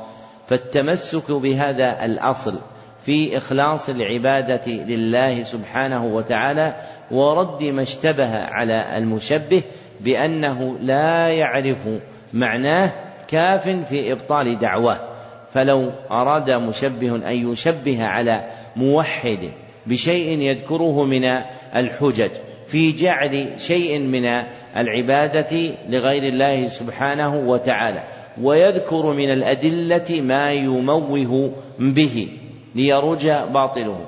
فإن العبد يتمسك بالأصل والقاعدة الكلية في أن العبادة كلها لله وحده. وأن هذا الكلام الذي يذكره هذا المشبه لا يعرف معناه فهو لا يدري حقيقته ولا يعرف جواب أهل العلم عنه. وهذا من أكبر أصول النجاة في دفع جيش الشبهات. فإذا شبه عليك أحد في باب خبر أو باب طلب فتمسك بالأصل الكلي الذي تعرفه من أصول الإسلام الظاهرة ودع ما شبه به المشبهون. ودين الله الذي يحتاج إليه الناس ظاهر بين واضحة دلائله في القرآن والسنة. ومن جملة ذلك توحيد الله. فإن من قرأ القرآن وسمع أحاديث النبي صلى الله عليه وسلم عرف أن حقيقة توحيد الله أن تكون العبادة كلها لله سبحانه وتعالى. فإذا جاء المشبه بمعنى مذكور عن أحد في تفسير آية أو بحديث يزعم أنه يدل على كذا وكذا مما يخالف هذا الأصل في إفراد العبادة لله سبحانه وتعالى فإن العبد يتمسك بالأصل ويترك هذه الشبهة التي يدعيها المدعون. نعم. أحسن الله إليكم. قال رحمه الله وأما الجواب المفصل فإن أعداء الله عز وجل لهم اعتراضات كثيرة على دين الرسل يصدون بها الناس عنه. منها قولهم نحن لا نشرك بالله شيئا بل نشهد أنه لا يخلق ولا يرزق ولا يحيي ولا يميت ولا يدبر الأمر ولا ينفع ولا يضر إلا الله وحده لا شريك له. وأن محمدا صلى الله عليه وسلم لا يملك لنفسه نفعا ولا ضرا فضلا عن عبد القادر أو غيره. ولكن أنا مذنب والصالحون لهم جاه عند الله وأطلب من الله بهم. فجاوبه بما تقدم وهو أن الذين قاتلهم رسول الله صلى الله عليه وسلم مقرون بما ذكرت لي أيها المبطل ومقرون أن أوثانهم لا تدبر شيئا وإنما أرادوا ممن قصدوا الجاه والشفاعة واقرأ عليه ما ذكر الله عز وجل في كتابه ووضحه. فإن قال إن هؤلاء الآيات نزلت في من يعبد الأصنام ونحن لا نعبد الأصنام كيف تجعلون الصالحين مثل الأصنام أم كيف تجعلون الأنبياء أصناما؟ فجاوبه بما تقدم فإنه إذا أقر أن الكفار يشهدون بالربوبية كلها لله وأنهم ما أرادوا مما قصدوا إلا الشفاعة ولكن أرادوا أن يفرق بين فعلهم وفعله بما ذكر. فاذكر له أن الكفار منهم من يدعو الأصنام ومنهم من يدعو الأولياء الذين قال الله عز وجل فيهم. أولئك الذين يدعون يبتغون إلى ربهم الوسيلة أيهم أقرب ويرجون رحمته ويخافون عذابه. إن عذاب ربك كان محذورا. ويدعون عيسى ابن مريم وأمه وقد قال الله تعالى ما المسيح ابن مريم إلا رسول قد خلت من قبله الرسل وأمه صديقة. واذكر له قوله تعالى ويوم يحشرهم جميعا ثم يقول للملائكة أهؤلاء إياكم كانوا يعبدون؟ وقوله تعالى وإذ قال الله يا عيسى ابن مريم أنت قلت للناس. فقل له عرفت أن الله كفر من قصد الأصنام وكفر أيضا من قصد الصالحين وقاتلهم رسول الله صلى الله عليه وسلم. فإن قال الكفار يريدون منهم النفع والضر وأنا أشهد أن الله عز وجل هو النافع الضار المدبر لا أريد إلا منه والصالحون ليس لهم من الأمر شيء ولكن أقصدهم أرجو من الله شفاعتهم فالجواب أن هذا قول الكفار سواء بسواء فاقرأ عليه قوله تعالى والذين اتخذوا من دونه أولياء ما نعبدهم إلا ليقربونا إلى الله زلفى وقوله تعالى ويقولون هؤلاء شفعاؤنا عند الله واعلم أن هذه الشبه الثلاثة هي أكبر ما عندهم فإذا عرفت أن الله عز وجل وضحها في كتابه وفهمتها فهما جيدا فما بعدها أيسر منها. لما فرغ المصنف رحمه الله من ذكر الجواب المجمل وضرب له مثالا يتبين به المقال شرع يبين شبه المشبهين من المبطلين في توحيد العبادة على وجه التفصيل وابتدأ بشبه ثلاث أوردها واحدة واحدة وألحق بكل شبهة ما ينقضها ويبين بطلانها. وهذه الشبه الثلاث هي أكبر ما عندهم. فأول هذه الشبه أنهم يقولون نحن لا نشرك بالله شيئا بل نشهد أنه لا يخلق. ولا يرزق ولا ينفع ولا يضر إلا الله. وأن محمدا صلى الله عليه وسلم لا يملك لنفسه ضرا ولا نفعا فضلا عمن هو دونه. ولكننا مذنبون والصالحون لهم جاه عند الله. ولكننا مذنبون والصالحون لهم جاه عند الله. فنحن نطلب من الله بهم. فنحن نطلب من الله بهم وهذه شبهتهم الكبرى. والجواب عن هذه الشبهة من ثلاثة وجوه. والجواب عن هذه الشبهة من ثلاثة وجوه. الوجه الأول أن هذه المقالة هي مقالة المشركين الذين كفرهم النبي صلى الله عليه وسلم وقاتلهم عليها. أن هذه المقالة هي مقالة المشركين الأولين الذين كفرهم النبي صلى الله عليه وسلم وقاتلهم عليها. فما أنتم واقعون فيه؟ وقع فيه من كان قبلكم من المشركين الذين أكفرهم خير الخلق صلى الله عليه وسلم وقاتلهم عليه. فإنهم يدعون هذا في من يدعونهم من المعظمين. فإنهم يدعون هذا في من يدعونهم من المعظمين وأن لهم جاها ورتبة ومقاما فهم يريدون بهم من الله سبحانه وتعالى. والوجه الثاني أن الجاه الذي يكون للصالحين هو جاه يتعلق بهم. أن الجاه الذي يكون للصالحين هو جاه يتعلق بهم. لا يلزم منه جواز دعائهم والاستغاثة بهم. لا يلزم منه جواز دعائهم والاستغاثة بهم. فالله عز وجل جعل لهم جاها بما لهم من صلاح. فالله عز وجل جعل لهم جاها أي رتبة ومقاما لما لهم من صلاح. ونهانا عن سؤالهم ودعائهم. ونهانا عن سؤالهم ودعائهم. والوجه الثالث أن العبد المذنب لم يؤمر شرعا إذا وقعت منه خطيئة أن يتوجه إلى الصالحين أن العبد المذنب لم يؤمر, لم يؤمر إذا وقعت منه خطيئة أن يتوجه إلى الصالحين. ليطلبوا له من الله المغفرة ليطلبوا له من الله المغفرة. وإنما أمر بأن يستغفر ويتوب وإنما أمر بأن يستغفر ويتوب إلى الله. ثم ذكر المصنف شبهتهم الثانية وهي أنهم يزعمون أن هذا متحقق في من يعبد الأصنام. ونحن لا نعبد الأصنام. أفتجعلون الأولياء والصالحين مثل الأصنام؟ وكيف تجعلون الأنبياء أصناما؟ والجواب عن هذه الشبهة أن يقال إن النبي صلى الله عليه وسلم لم يقتصر إنكاره على من عبد الأصنام. أن النبي صلى الله عليه وسلم لم يقتصر إنكاره على من عبد الأصنام. فأنكر على كل من دعا غير الله. فأنكر على كل من دعا غير الله.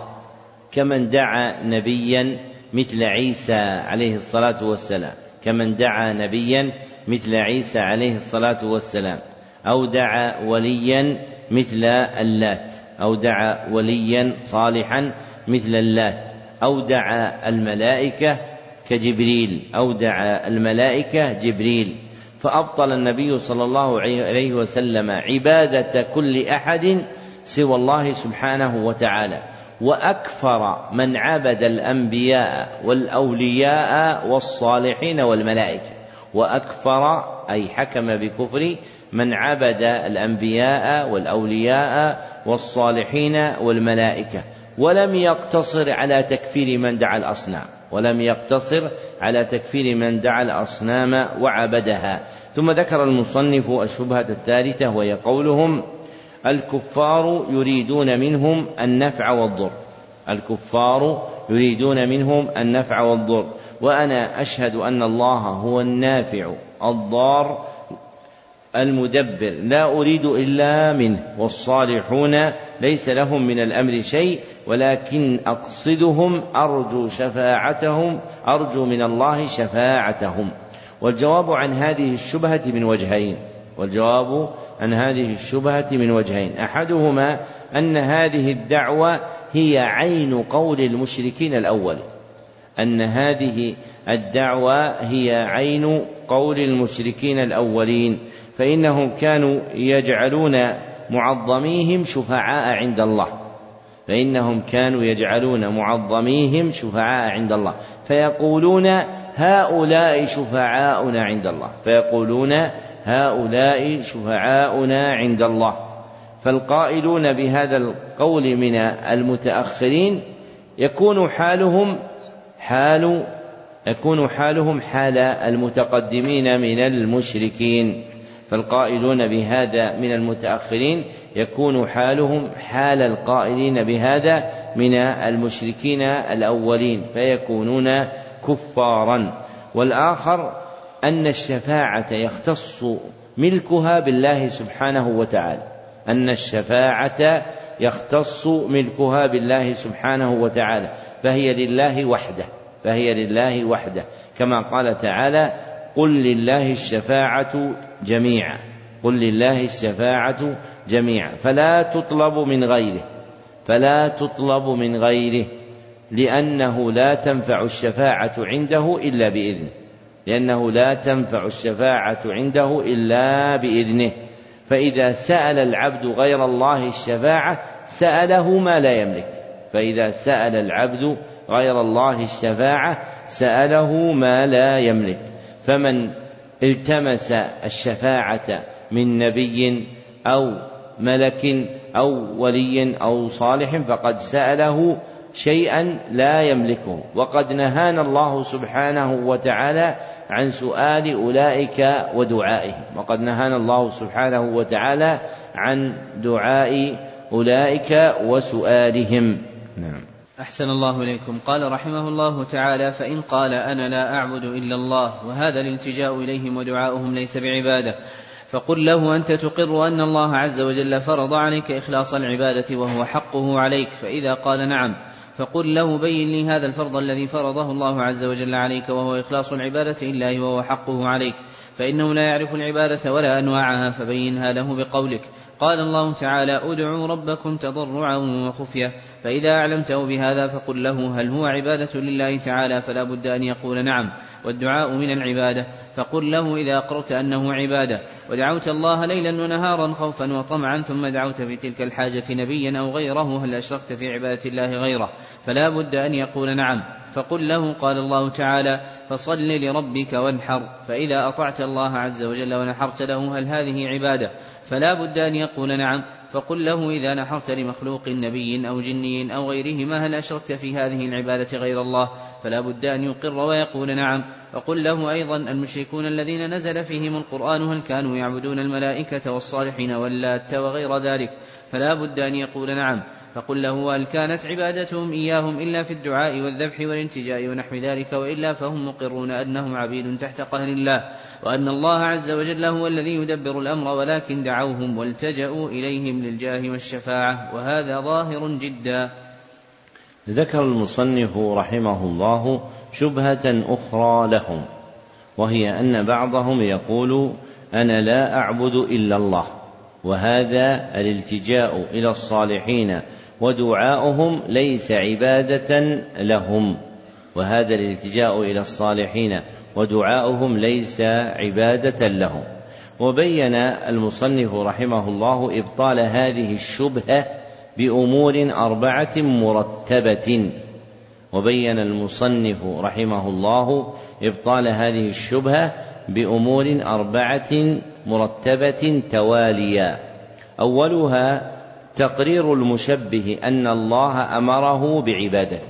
تقرير المشبه أن الله أمره بعبادته.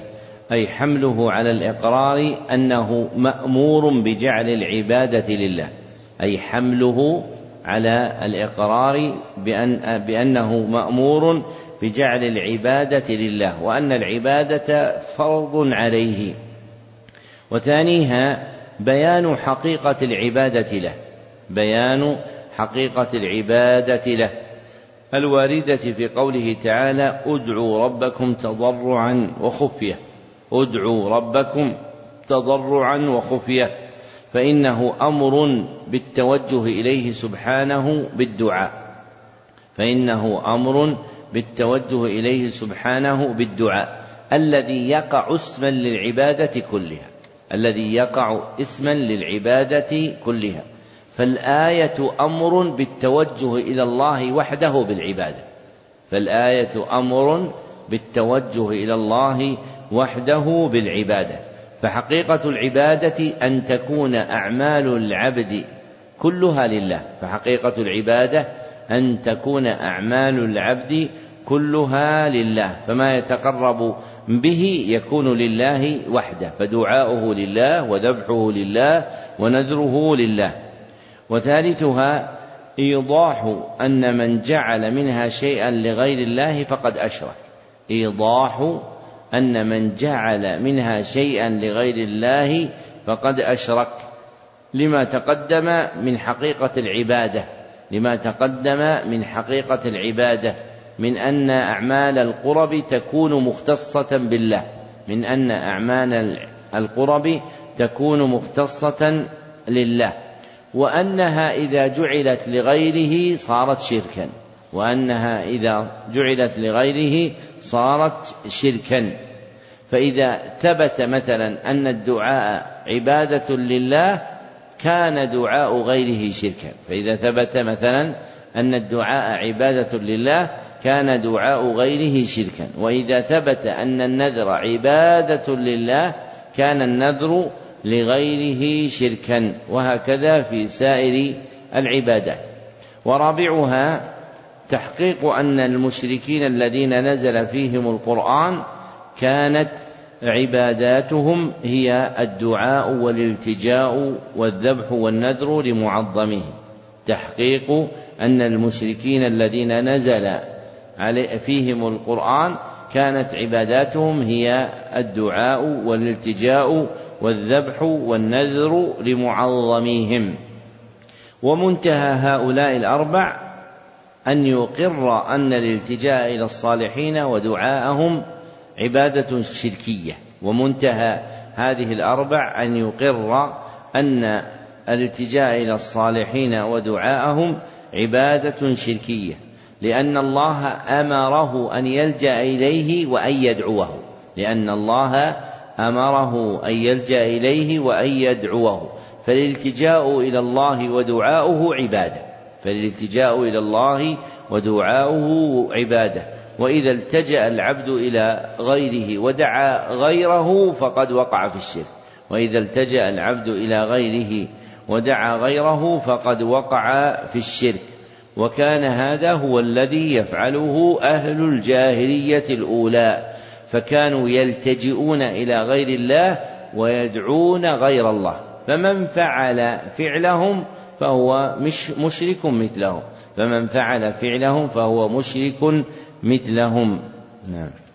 أحسن الله إليكم. قال رحمه الله فإن قال أتنكر شفاعة رسول الله صلى الله عليه وسلم وتبرأ منها فقل لا أنكرها ولا أتبرأ منها بل هو صلى الله عليه وسلم الشافع المشفع في المحشر وأرجو شفاعته ولكن الشفاعة كلها لله كما قال تعالى قل لله الشفاعة جميعا.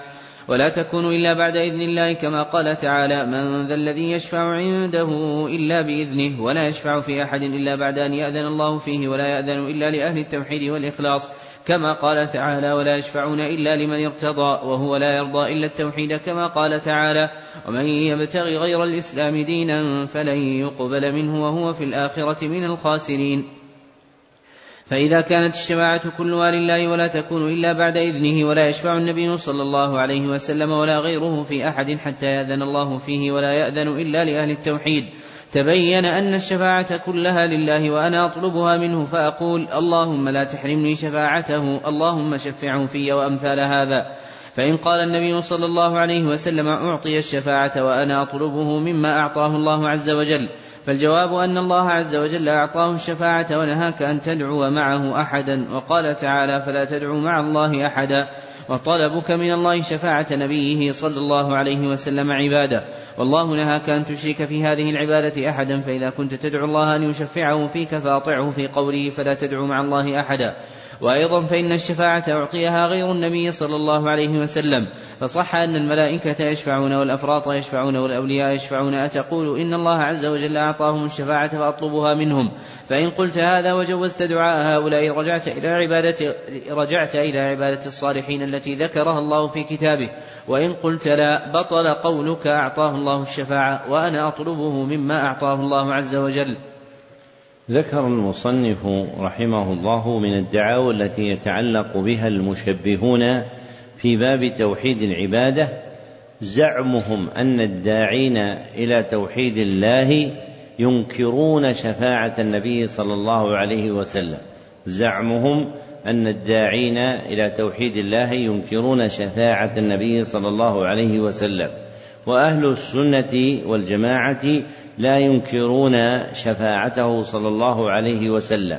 فيقرون أنه يشفع عند الله. وأنه يكون له من الشفاعات ما لا يكون لغيره. ولكنهم يطيعون الله الذي أعطى النبي صلى الله عليه وسلم ما أعطاه من الشفاعة. فإن النبي صلى الله فإن الله عز وجل لما أعطى نبيه صلى الله عليه وسلم ما أعطاه من الشفاعة نهانا أن ندعو النبي صلى الله عليه وسلم شيئا من هذه الشفاعة. فجعلها الله سبحانه وتعالى ملكا له وحده. فجعلها الله سبحانه وتعالى ملكا له وحده. وأخبر أنه لا يشفع عنده أحد إلا بإذنه. وأخبر أنه لا يشفع عنده أحد إلا بإذنه. فنحن نطيع الله سبحانه وتعالى ولا نسأل النبي صلى الله عليه وسلم الشفاعة بأن ندعوه بها. وإنما نسأل شفاعة النبي صلى الله عليه وسلم بما أذن به شرعا وهو سؤال الله سبحانه وتعالى حصول شفاعة نبيه صلى الله عليه وسلم. وسؤال الله حصول شفاعة النبي صلى الله عليه وسلم له طريقان. وسؤال الله حصول شفاعة النبي صلى الله عليه وسلم له طريقان. أحدهما امتثال المأمورات المحققة شفاعته. امتثال المأمورات المحققة شفاعته.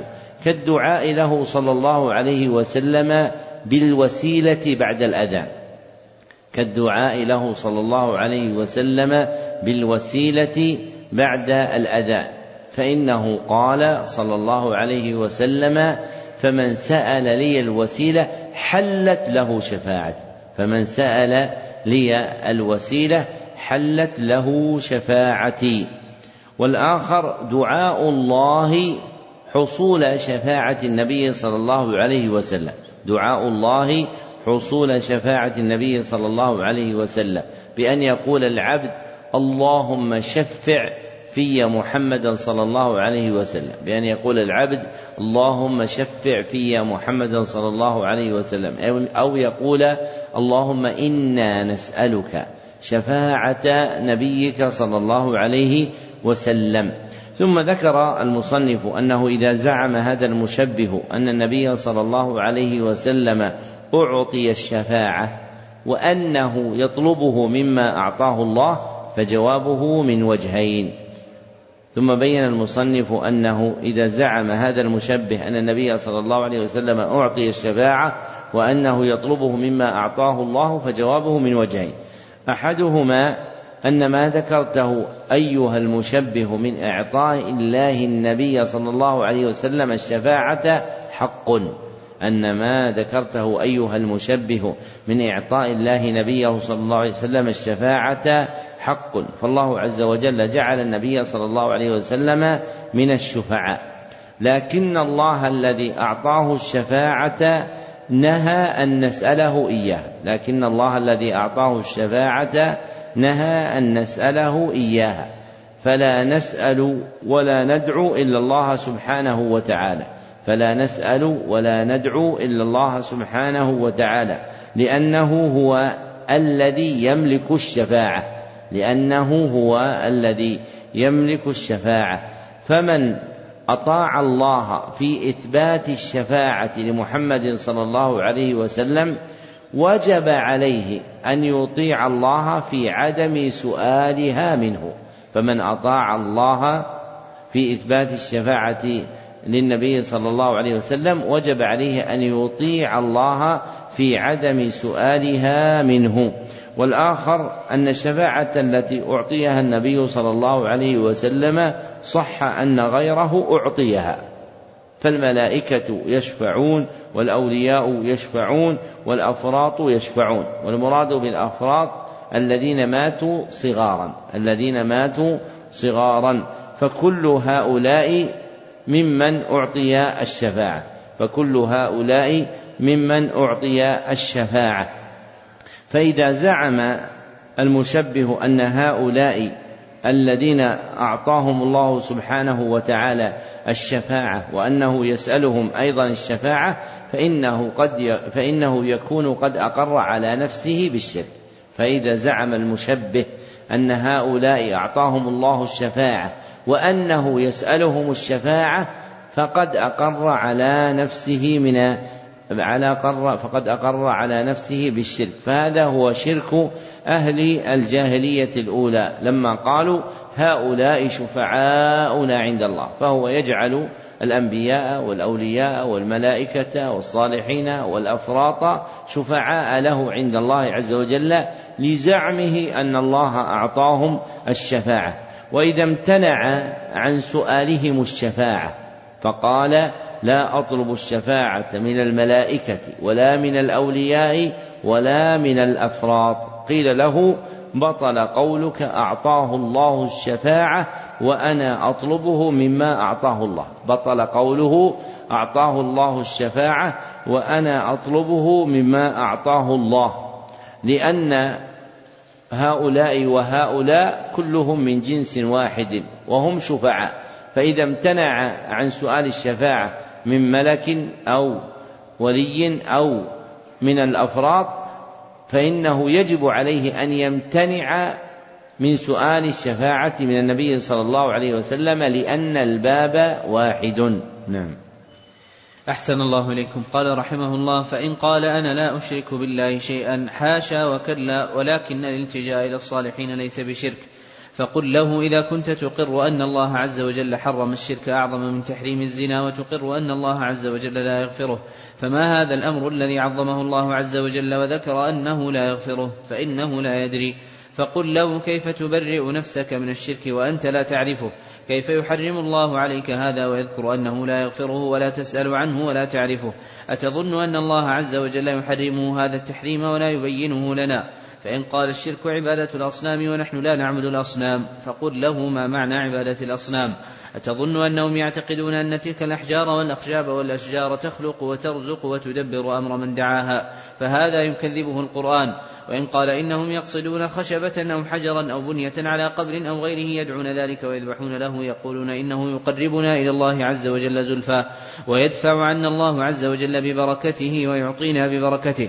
فقل صدقت وهذا هو فعلكم عند الأحجار والبنى الذي على القبور وغيرها. فهذا أقر أن فعلهم هذا هو عبادة الأصنام وهو المطلوب. وأيضا قولك الشرك عبادة الأصنام هل مرادك أن الشرك مخصوص بهذا؟ وأن الاعتماد على الصالحين ودعاءهم لا يدخل في ذلك فهذا يرده ما ذكر الله تعالى في كتابه من كفر من تعلق على الملائكة أو عيسى أو الصالحين. فلا بد أن يقر لك أن من أشرك في عبادة الله أحدا من الصالحين فهو الشرك المذكور في القرآن وهذا هو المطلوب. ذكر المصنف رحمه الله شبهة أخرى لهؤلاء وهي أنهم يدعون البراءة من الشرك ويقولون إن الالتجاء إلى الصالحين ليس بشرك ودفع هذه الشبهة بالسؤالات الأربعة التي ذكرها المصنف ودفع هذه الشبهة بالسؤالات الأربعة التي ذكرها المصنف فأولها سؤاله أنه إذا كان يقر بحرمة الشرك فما هو الشرك الذي حرمه الله؟ وأخبر أنه لا يغفر. فأولها سؤاله أنه إذا كان يقر بحرمة الشرك فما هو هذا الشرك الذي حرمه الله؟ وأخبر أنه لا يغفر. قال المصنف فإنه لا يدري أي لا يدري حقيقة الشرك. قال المصنف فإنه لا يدري أي لا يدري حقيقة الشرك. وثانيها أن يقال له كيف تبرئ نفسك من الشرك وأنت لا تعرفه؟ وثانيها أن يقال له كيف تبرئ نفسك من الشرك وأنت لا تعرفه؟ وكيف يحرمه الله؟ ويذكر أنه لا يغفر وأنت لا تسأل عنه.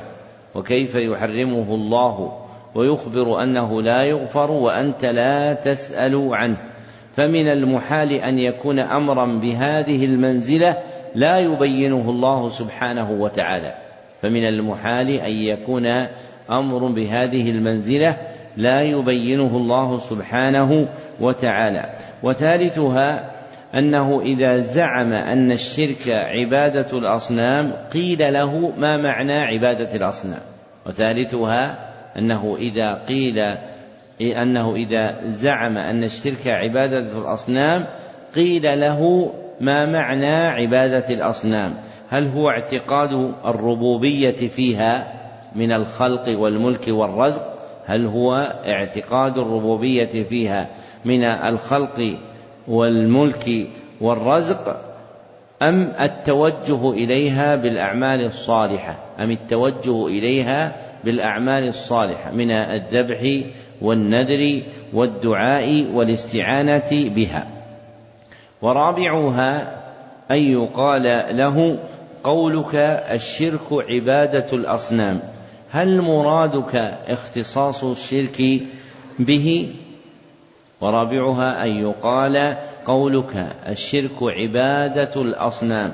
هل مرادك اختصاص الشرك به وأن من دعا غيرها لا يكون مشركا وأن من دعا غيرها لا يكون مشركا؟ فإن زعم ذلك قيل له إن القرآن يكذب ذلك.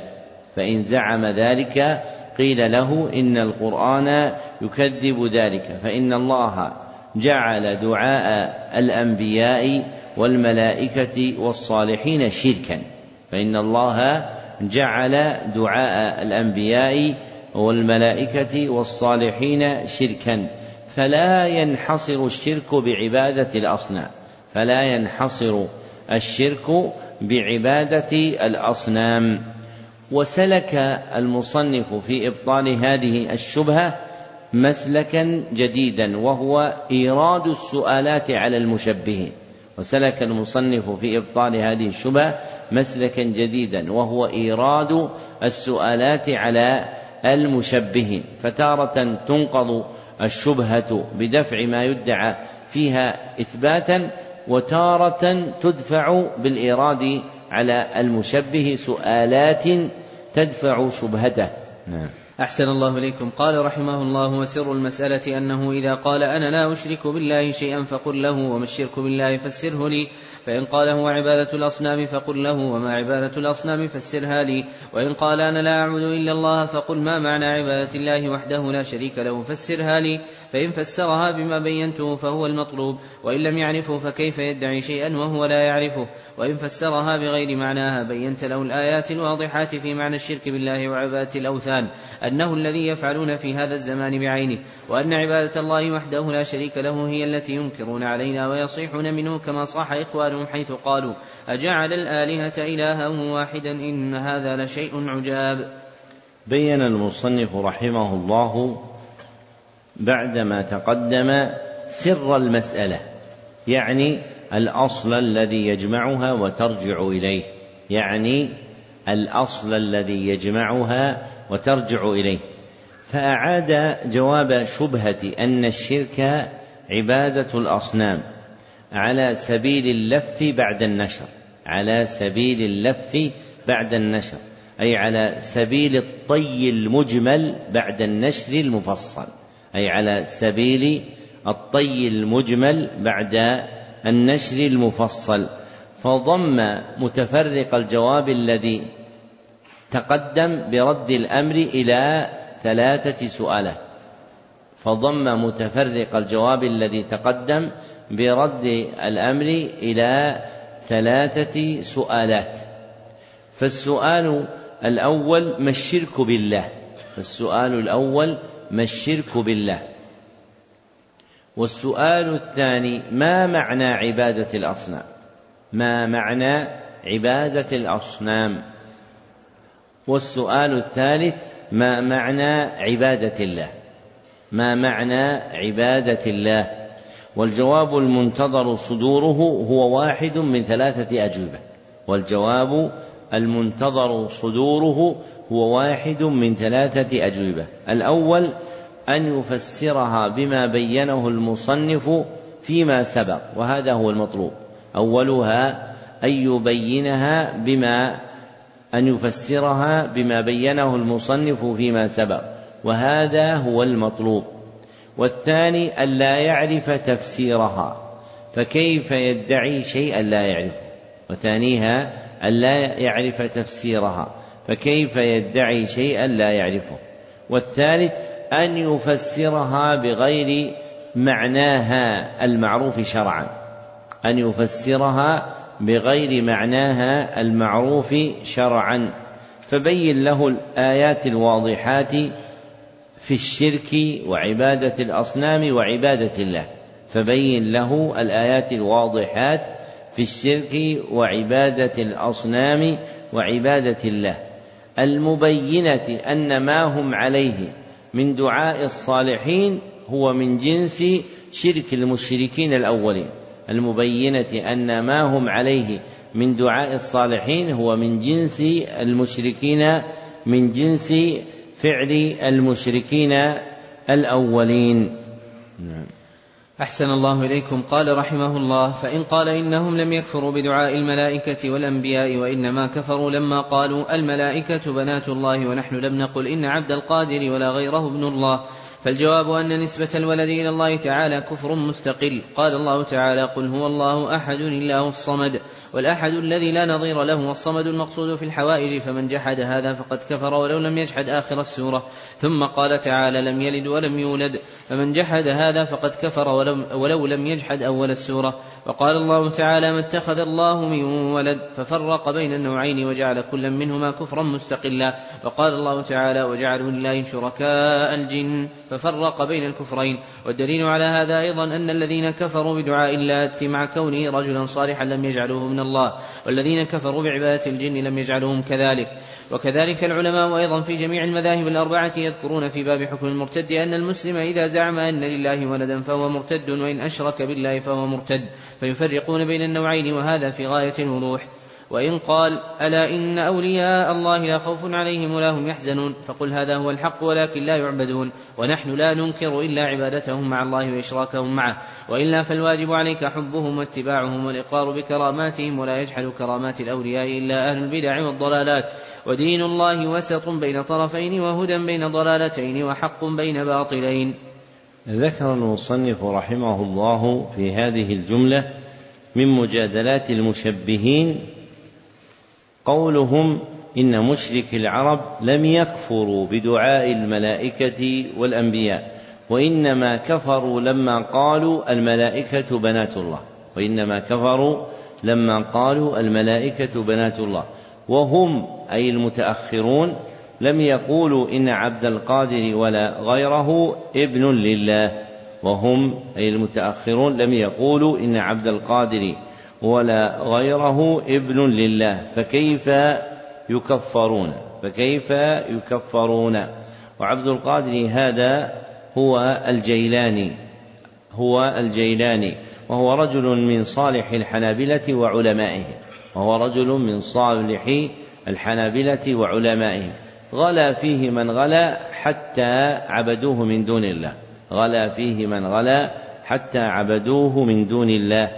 وجواب باطلهم من أربعة وجوه وجواب باطلهم من أربعة وجوه. أولها أن نسبة الولد إلى الله كفر مستقل. قال الله تعالى قل هو الله أحد وقال تعالى لم يلد ولم يولد. فمن جعل لله ولدا فهو كافر ولو لم يعبد ذلك المدعى ولو لم يعبد ذلك المدعى لتكذيبه بالآيتين وغيرهما مما يوافقهما في المعنى. وثانيها أن الله فرق بين نوعين من الكفر عبادة غيره ونسبة الولد إليه. أن الله فرق بين نوعين من الكفر عبادة غيره ونسبة الولد له. فقال ما اتخذ الله من ولد وما كان معه من إله. ما اتخذ الله من ولد وما كان معه من إله. وقال وجعلوا لله شركاء الجن وخلقهم وخرقوا له بنين وبنات بغير علم. فالآيتان فيهما ذكر نوعين من الكفر أحدهما عبادة غير الله والآخر إثبات الولد لله وثالثها أن الذين كفروا بدعاء اللات مع كونه رجلا صالحا لم يجعلوه ابن الله. أن الذين كفروا بدعاء اللات مع كونه رجلا صالحا لم يجعلوه ابن الله. والذين كفروا بدعاء الجن لم يجعلوهم كذلك لم يجعلوهم كذلك. فإنه وإن كان في العرب من يزعم أن الجن أبناء الله ففيهم كثير لا يزعمون هذا. فإنه وإن كان في العرب من يزعم أن الجن أبناء الله ففيهم كثير لا يزعمون هذا. ورابعها أن العلماء في جميع المذاهب الأربعة الحنفية والمالكية والشافعية والحنبلية يذكرون في باب حكم المرتد أن المسلم إذا زعم أن لله ولدا فهو مرتد. وأنه إن أشرك بالله فهو مرتد. فيفرقون بين هذين النوعين. فيفرقون بين هذين النوعين. فيجعلون عبادة غير الله من أسباب الردة ويجعلون نسبة الولد لله من أسباب الردة. ثم ذكر المصنف أن المشبه إذا قال بعد ما تقدم ألا إن أولياء الله لا خوف عليهم ولا هم يحزنون؟ يعرض بذكر ما للأولياء من مقام كريم. يعرض بذكر ما للأولياء من مقام كريم. فقل مبينا قدرهم هذا هو الحق. هذا هو الحق. فإن الله سبحانه وتعالى جعل للأولياء مقاما كريما. وأهل السنة يثبتون للأولياء الكرامات وأهل السنة يثبتون لله الكرامات لكنهم لا يجعلون كراماتهم سلما لدعائهم من دون الله لكنهم لا يجعلون كراماتهم سلما لدعائهم من دون الله فهم يحفظون حق الصالحين ولا يرفعونهم فوقه فهم يحفظون حق الصالحين ولا يرفعونهم فوقه والأمر كما قال المصنف ودين الله وسط بين طرفين وهدى بين ضلالتين وحق بين باطلين وهي من جواهر كلامه رحمه الله. فاهل السنة لا يجفون الاولياء فيهضمونهم حقهم.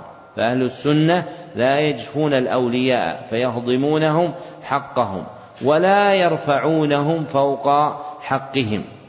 فهم يذكرونهم بالخير ويعظمون صحبة من عرف صلاحه منهم في الحياة وينتفعون بإرشادهم ونصحهم ودعائهم. ولكنهم لا يجعلونهم وسائط وشفعاء فيدعونهم من دون الله سبحانه وتعالى. نعم.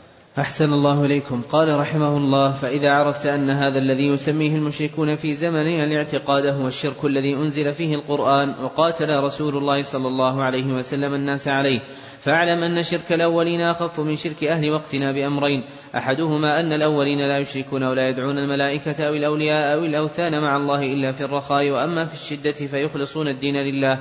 كما قال تعالى فإذا ركبوا في الفلك دعوا الله مخلصين له الدين فلما نجاهم إلى البر إذا هم يشركون. وقال تعالى وإذا مسكم الضر في البحر ضل من تدعون إلا إياه. وقال تعالى قل أرأيتكم إن أتاكم عذاب الله أو أتتكم الساعة وغير الله تدعون إلى قوله ما تشركون. وقال تعالى وإذا مس الإنسان ضر دعا ربه منيبا إليه ثم إذا خوله نعمة منه نسي ما كان يدعو إليه من قبل الآية. وقال تعالى وإذا غشيهم موج كالظلل. فمن فهم هذه المسألة التي وضحها الله في كتابه وهي أن المشركين الذين قاتلهم رسول الله صلى الله عليه وسلم يدعون الله ويدعون غيره في الرخاء وأما في الشدة فلا يدعون إلا الله وحده لا شريك له وينسون ساداتهم تبين له الفرق بين شرك أهل زماننا وشرك الأولين ولكن أين من يفهم قلبه هذه المسألة فهما راسخا والله المستعان. والأمر الثاني أن الأولين يدعون مع الله أناسا مقربين عند الله إما نبيا وإما وليا وإما ملائكة أو يدعون أحجارا وأشجارا مطيعة لله تعالى ليست بعاصية. وأهل زماننا يدعون مع الله أناسا من أفسق الناس والذين يدعونهم هم الذين يحكون عنهم الفجور من الزنا والسرقة وترك الصلاة وغير ذلك. والذي يعتقد في الصالح والذي لا يعصي مثل الخشب والحجر أهون ممن يعتقد في من يشاهد فسقه وفساده ويشهد به. ذكر المصنف رحمه الله أن العبد إذا عرف أن هذا الذي يسميه المشركون في زماننا الاعتقاد وهو تأله قلوبهم لمعظميهم وهو تأله قلوبهم لمعظميهم من الخلق. هو الشرك الذي أنزل فيه القرآن وقاتل رسول الله صلى الله عليه وسلم الناس عليه. فإن شرك الأولين أخف من شرك المتأخرين. فإن شرك الأولين أخف من شرك المتأخرين. وقصد المصنف ببيان الخفة أنه إذا كان النبي صلى الله عليه وسلم كفر الأولين منهم وقاتلهم فإن المتأخرين أولى. وقصد المصنف من بيان الخفة أنه إذا كان النبي صلى الله عليه وسلم كفر المشركين الأولين وقاتلهم فإن المتأخرين أولى بالتكفير والقتال. وذكر المصنف فرقين عظيمين بين شرك الأولين وشرك المتأخرين. فالفرق الأول أن الأولين يشركون بالله في الرخاء ويخلصون في الشدة. أما المتأخرون فإنهم يشركون بالله في الرخاء والشدة. والفرق الثاني أن الأولين يدعون مع الله أناسا مقربين من الأنبياء والأولياء والصالحين أو يدعون أحجارا وأشجارا مطيعة لله ليست بعاصية. وأما المتأخرون فإنهم يدعون مع الله أناسا من الفساق ممن يحكى عنهم الفجور والفسوق فيعظمونهم مع مشاهدة فجورهم ابتغاء دفع شرهم فيعظمونهم مع مشاهدة فجورهم ابتغاء دفع شرهم لأنهم يعتقدون فيهم أن لهم تصرفا بالنفع والضر فصاروا أشد من شرك الأولين من هذه الجهة. وسيأتي مزيد بيان في شرح القواعد الأربع إن شاء الله. نعم. أحسن الله إليكم. قال رحمه الله إذا تحققت أن الذين قاتلهم رسول الله صلى الله عليه وسلم أصح عقولا هذا, هذا الموضع الذي ذكرناه أخيرا غمض على بعض شراح كشف الشبهات فزعموا أن من يدعو أحدا أو يعبده ولو كان يرى منه الفسق فإن قلبه يكون منطويا على إيش؟ اعتقاد ألوهيته. وهذا ليس مضطردا من جهة التعظيم له وإنما يكون تارة من جهة دفع الشر. فهو يشهد أنه على فسق وفجور ويخالف ما يعرفه من أحكام الإسلام. لكن يزعم أن عنده سر من الولاية فيخاف وصول الضر منه فهو لا يؤله تأليها كاملا لكنه يتخوف ضره فيريد دفع شره. نعم.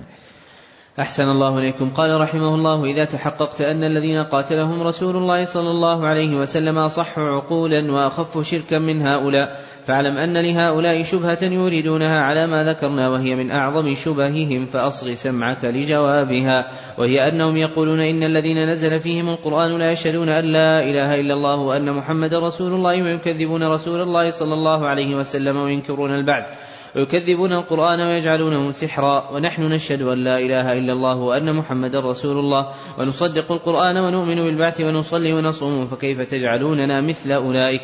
فالجواب أنه لا خلاف بين العلماء كلهم أن الرجل إذا صدق رسول الله صلى الله عليه وسلم في شيء وكذبه في شيء أنه كافر لم يدخل في الإسلام. وكذلك إذا آمن ببعض القرآن وجحد بعضه كمن أقر بالتوحيد وجحد وجوب الصلاة أو أقر بالتوحيد والصلاة وجحد وجوب الزكاة أو أقر بهذا كله وجحد وجوب الصوم أو أقر بهذا كله وجحد وجوب الحج. ولما لم ينقد أناس في زمن النبي صلى الله عليه وسلم للحج أنزل الله تعالى في حقهم ولله على الناس حج البيت من استطاع إليه سبيلا ومن كفر فإن الله غني عن العالمين. ومن أقر بهذا كله وجحد البعث كفر بالإجماع وحل دمه وماله كما قال تعالى إن الذين يكفرون بالله ورسله ويريدون أن يفرقوا بين الله ورسله فإذا كان الله تعالى قد صرح في كتابه أن من آمن ببعض وكفر ببعض فهو كافر حقا زالت هذه الشبهة وهذه هي التي ذكرها بعض أهل الأحساء في كتابه الذي أرسل إلينا ويقال إذا كنت تقر أن من صدق الرسول صلى الله عليه وسلم في كل شيء وجحد وجوب الصلاة فهو كافر حلال الدم والمال بالإجماع. وكذلك إذا أقر بكل شيء إلا البعث وكذلك لو جحد وجوب صوم رمضان وصدق بذلك كله لا يجحد هذا. ولا تختلف المذاهب فيه وقد نطق به القرآن كما قدمنا. فمعلوم أن التوحيد هو أعظم فريضة جاء بها النبي صلى الله عليه وسلم وهو أعظم من الصلاة والزكاة والصوم والحج. فكيف إذا جحد الإنسان شيئا من هذه الأمور كفر ولو عمل بكل ما جاء به الرسول صلى الله عليه وسلم؟ وإذا جحد التوحيد الذي هو دين الرسل كلهم لا يكفر. سبحان الله ما أعجب هذا الجهل. ويقال أيضا لهؤلاء أصحاب رسول الله صلى الله عليه وسلم قاتلوا بني حنيفة وقد أسلموا مع النبي صلى الله عليه وسلم. وهم يشهدون أن لا إله إلا الله وأن محمدا عبده ورسوله ويصلون ويؤذنون. فإن قال إنهم يشهدون أن مسيلمة نبي قلنا هذا هو المطلوب إذا كان من رفع رجلا في رتبة النبي صلى الله عليه وسلم كفر وحل ماله ودمه ولم تنفع الشهادتان ولا الصلاة فكيف بمن رفع شمسان أو يوسف أو صحابيا أو نبيا أو غيرهم في مرتبة جبار السماوات والأرض؟ سبحانه ما أعظم شأنه كذلك يطبع الله على قلوب الذين لا يعلمون.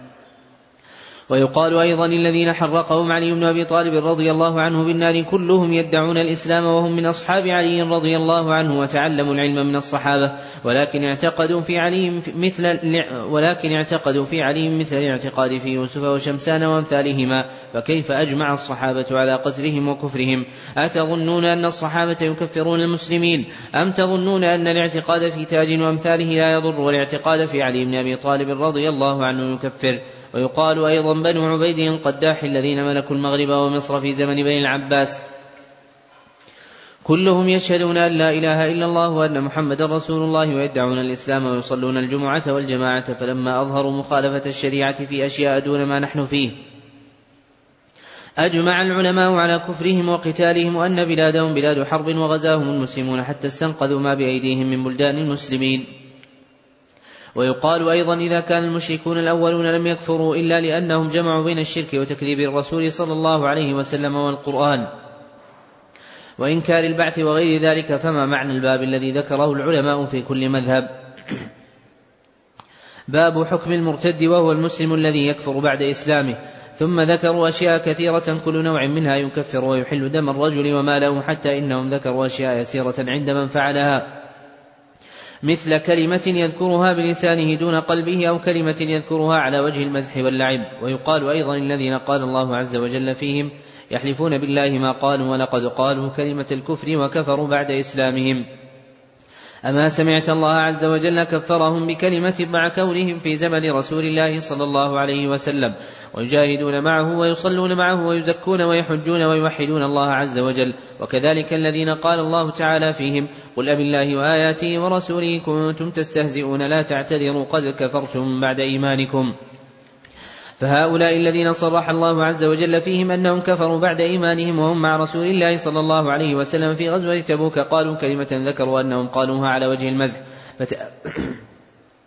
فتأمل هذه الشبهة وهي قولهم تكفرون المسلمين أناسا يشهدون أن لا إله إلا الله ويصلون ويصومون ويحجون. ثم تأمل جوابها فإنه من أنفع ما في هذه الأوراق. ومن الدليل على ذلك أيضا ما حكى الله عز وجل عن بني إسرائيل مع إسلامهم وعلمهم وصلاحهم أنهم قالوا لموسى اجعل لنا إلها وقال أناس من الصحابة اجعل لنا يا رسول الله ذات أنواط كما لهم ذات أنواط.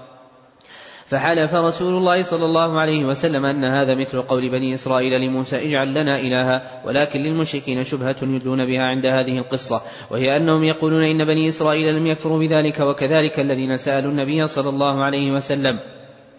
أن يجعل لهم ذات أنواط لم يكفروا. فالجواب أن تقول إن بني إسرائيل لم يفعلوا ذلك وكذلك الذين سألوا النبي صلى الله عليه وسلم لم يفعلوا ذلك. ولا خلاف أن بني إسرائيل لو فعلوا ذلك لكفروا وكذلك لا خلاف أن الذين نهاهم النبي صلى الله عليه وسلم لو لم يطيعوه واتخذوا ذات أنواط بعد نهيه صلى الله عليه وسلم لكفروا وهذا هو المطلوب.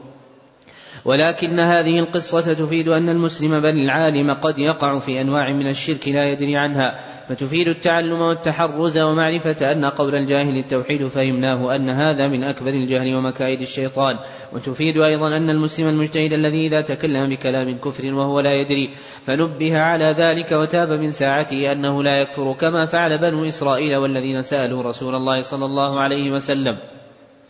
وتفيد أيضا أنه لو لم يكفر فإنه يغلظ عليه الكلام تغليظا شديدا كما فعل رسول الله صلى الله عليه وسلم.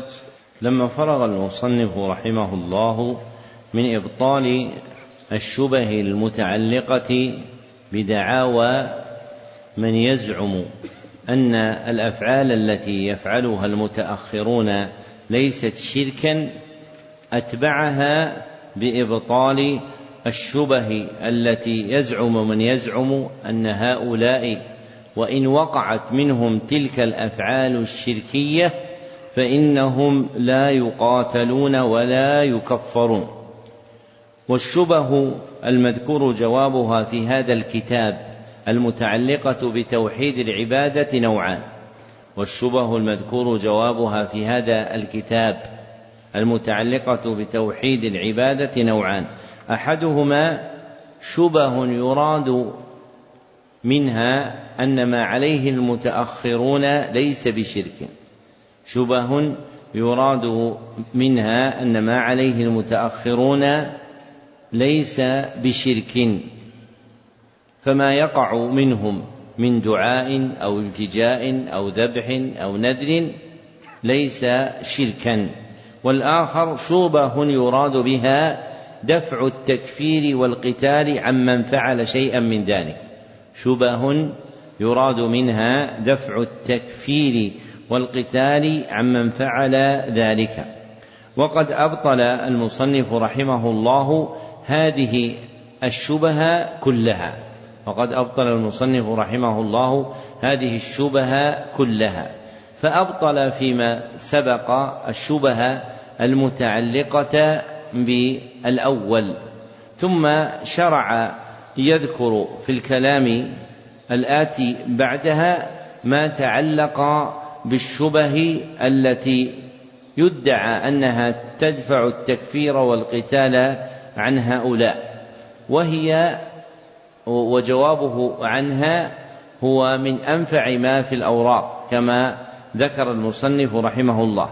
فإن كثيرا من أهل العلم في زمانه وافقوه على أن تلك الأفعال الواقعة من المتأخرين هي من الشرك بالله سبحانه وتعالى واحجموا عن تكفير أولئك وقتالهم. فبين رحمه الله في هذه الأوراق ما يدل على ثبوت كفرهم ووجوب قتالهم وأنهم إن كانوا يقولون لا إله إلا الله ويؤذنون ويصلون إلا أنهم اقترفوا من الأفعال ما به يكفرون وعليه يقاتلون.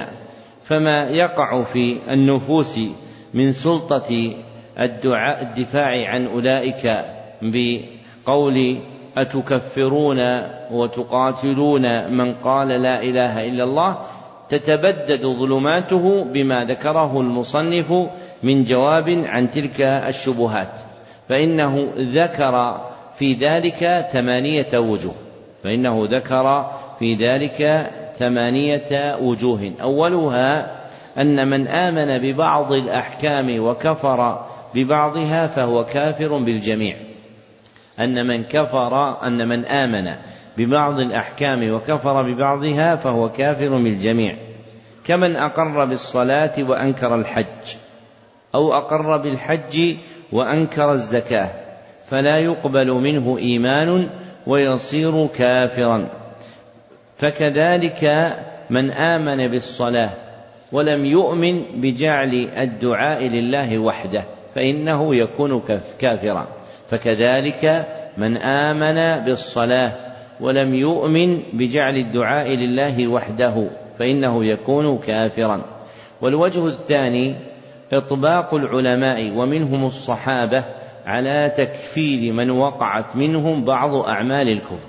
إطباق العلماء ومنهم الصحابة على تكفير من وقعت منهم بعض أعمال الكفر وقتالهم.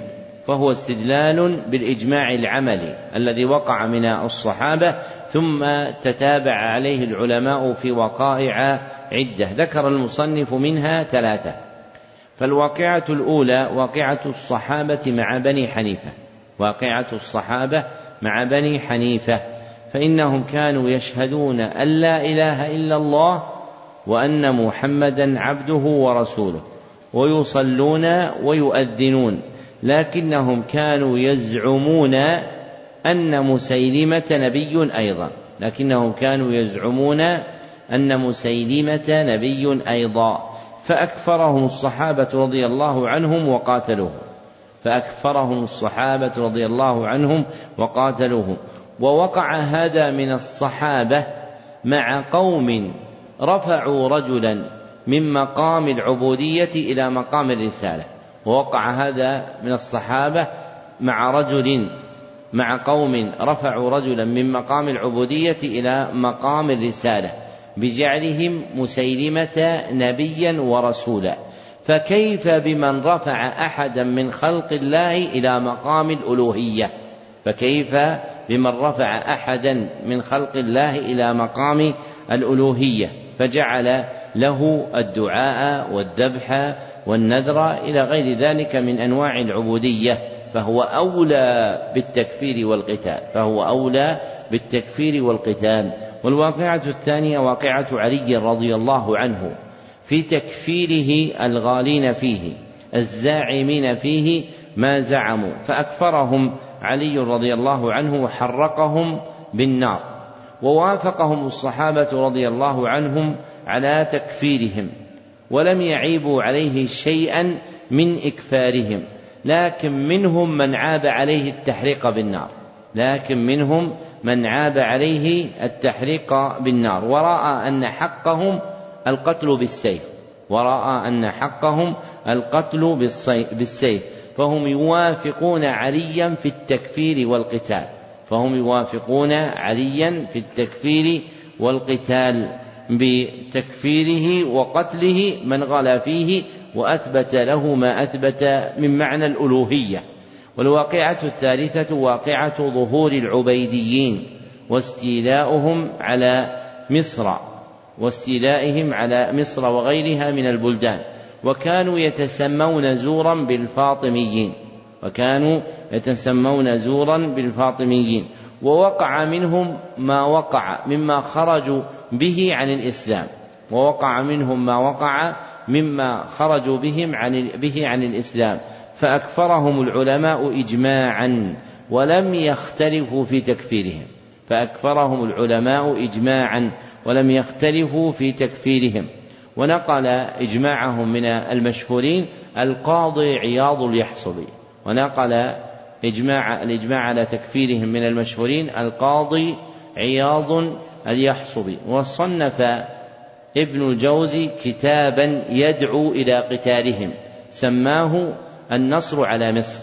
وصنف ابن الجوزي كتابا يدعو إلى قتالهم. سماه النصر على مصر. وكانوا يزعمون أنهم يشهدون أن لا إله إلا الله وأن محمدا رسول الله. ويؤذنون ويصلون ويأمرون بما يأمرون به من شرائع الإسلام.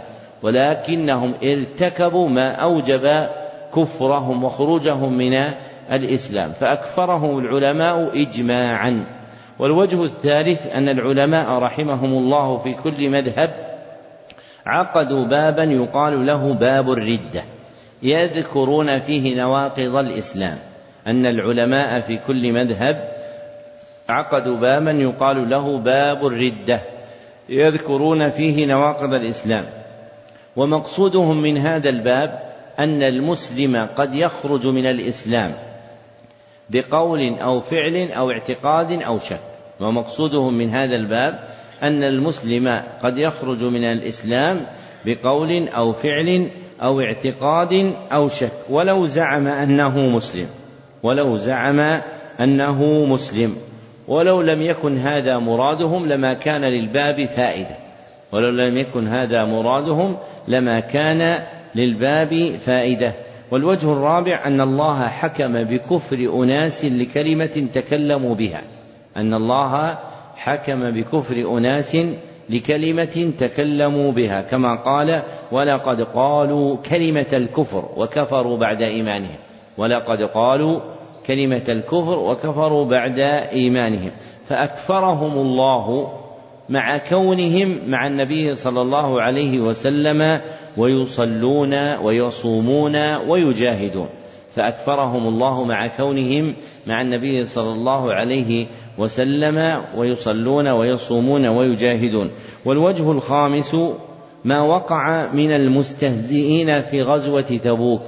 ما وقع من المستهزئين في غزوة تبوك فإن الله سبحانه وتعالى أكفرهم لما تكلموا بما تكلموا به كما تقدم قريبا مع أنهم كانوا يقولون لا إله إلا الله محمد رسول الله وكانوا غزاة في سبيل الله. والوجه السادس أن الذين نزل فيهم القرآن لا يشهدون أن لا إله إلا الله ويكذبون الرسول صلى الله عليه وسلم. لا يشهدون أن لا إله إلا الله ويكذبون الرسول صلى الله عليه وسلم. وهؤلاء المتأخرون يشهدون أن لا إله إلا الله ويصدقون بالرسول صلى الله عليه وسلم لكنهم يصدقونه في شيء ويكذبونه في شيء آخر. لكنهم يصدقونه في شيء ويكذبونه في شيء آخر. فيصدقونه مثلا في إثبات الشفاعة له. فيصدقونه مثلا في إثبات الشفاعة له. ويكذبونه في جعل الدعاء لله وحده. ويكذبونه في جعل الدعاء لله وحده بسؤالهم معظميهم. وهم بتكذيبهم له صلى الله عليه وسلم كافرون مرتدون. وهم بتكذيبهم له صلى الله عليه وسلم كافرون مرتدون. والوجه السابع أن من جحد وجوب. وجوب الحج كفر. أن من جحد وجوب الحج كفر. وإن كان يشهد أن لا إله إلا الله وأن محمدا رسول الله ويصلي ويصوم. كما وقع في سبب نزول قوله تعالى ولله على الناس حج البيت من استطاع إليه سبيلا ومن كفر فإن الله غني عن العالمين. أن قوما أقروا بالصلاة وغيرها ثم لما أمروا بالحج أبوا. أن قوما أقروا بالصلاة وغيرها فلما أمروا بالحج أبوا. فأنزل الله عز وجل هذه الآية في كفرهم. وهو شيء يروى عن جماعة من التابعين.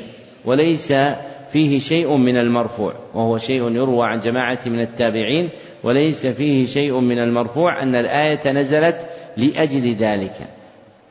من أن الآية نزلت لأجل ذلك. والآية دالة على كفر من جحد وجوب الحج بلا خلاف. والآية دالة على كفر من جحد وجوب الحج بلا خلاف. وأن من أقر بالصلاة والصيام والزكاة وجحد الحج فإنه كافر. فإذا كان هذا في حق من جحد شيئا من الشرائع الظاهرة فكيف بمن جحد توحيد الله سبحانه وتعالى ودعا غيره؟ والوجه الثامن حديث ذات أنواط المروي عند المروي عند الترمذي من حديث أبي واقد الليثي وإسناده صحيح. وفيه أن بني إسرائيل وقعوا في الكفر لما قالوا لموسى اجعل لنا إلها كما لهم آلهة. ووقع نظيره مع أصحاب النبي صلى الله عليه وسلم لما سألوه شجرة ينوطون بها أسلحتهم أي يعلقون بها أسلحتهم.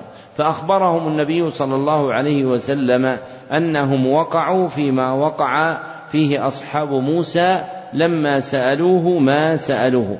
فارتكبوا فعلا لم يشفع لهم إيمانهم في دفع الكفر عنهم. فارتكبوا فعلا لم يشفع لهم إيمانهم في دفع الكفر عنهم. ودفع الكفر عنهم أنهم لما زجروا لم يفعلوا. ودفع الكفر عنهم أنهم لما زجروا لم يفعلوا. فلما نهاهم النبي صلى الله عليه وسلم وأخبرهم بمضاهاتهم حال من كان مع موسى عليه الصلاة والسلام أمسكوا عن ذلك وانتهوا عنه ثم ذكر المصنف رحمه الله ثلاث فوائد من قصة ذات أنوار. أولها الحذر من الشرك. الحذر من الشرك وأن يخافه العبد وأن يخافه العبد. وثانيها الإعلام بأن العبد إذا وقع منه شيء من أقوال الكفر وأعماله الإعلام بأن العبد إذا وقع منه شيء من أقوال الكفر وأعماله ثم نبه فتاب من ساعته فإنه لا يكفر. ثم نبه وتاب من ساعته أنه لا يكفر. وثالثها أن من لم يكفر بكلمة الكفر إذا قالها جهلا فإنه لا يتساهل معه. أن من لم يكفر بكلمة الكفر إذا قالها جهلا لم يتساهل معه بل يغلظ عليه وينكر عليه إنكارا شديدا بل يغلظ عليه وينكر عليه إنكارا شديدا كما غلظ موسى عليه الصلاة والسلام على قومه وكما غلظ محمد صلى الله عليه وسلم على أصحابه. فمن عقل هذه الوجوه الثمانية أقر بأن من وقع في هذه الأفعال من دعاء غير الله والاستعانة به والذبح له والنذر له والتوكل عليه وسؤاله في الملمات أنه كافر يجب قتاله. فهذه الأدلة الثمانية شاهدة بصدق هذا. فيسهل على العبد دفع الدعوى التي يقول الناس التي يقول بعض الناس إنكم تكفرون من يقول لا إله إلا الله. لما تقرر من هذه الوجوه الثمانية ومبتدأ من كفر من يقول لا إله إلا الله هم من أول؟ صدر الأمة من الصحابة رضي الله عنهم. فإنهم كفروا بني حنيفة وهم يقولون لا إله إلا الله. ولكنهم كانوا يقولون لا إله إلا الله محمد رسول الله ومسيلمة رسول الله. فأكفرهم الصحابة وقاتلوهم وقالوا إنهم كفار يجب قتالهم لما رفعوا رجلا إلى مقام النبوة. فكيف بمن يرفع رجلا إلى مقام الألوهية؟ فهو أحق بالتكفير والقتال. ومما ينبه إليه طلاب العلم وشداته أن باب التكفير من الأبواب التي تناط بالراسخين بالعلم في العلم فيحال إليهم الجواب في أحكامها والفصل في ملماتها وغيرهم يقتدي بأقوالهم. وأما الهجوم على ذلك دون رسوخ قدم فإنه يفضي بالعبد إلى تكفير من لا يكفر. كما أنه ظهر في مقابل هؤلاء من صار من يمتنع من تكفير من يكفر. وكلا الطائفتين وقعتا في هذا لخروجهم عن طريقة العلماء الراسخين. فخرج هؤلاء بالغلو حتى فشى فيهم قول الخوارج. وقابلهم هؤلاء وخرجوا بالجفاء حتى فشى فيهم قول المرجئة. والجادة السالمة أن يستنى المتعلم بالعلماء الراسخين من أهل السنة وهم لا يخفون على طالب الحق فيقتدي بأقوالهم في هذا الباب ويفزع إليهم في مدلهماته وملماته. نعم.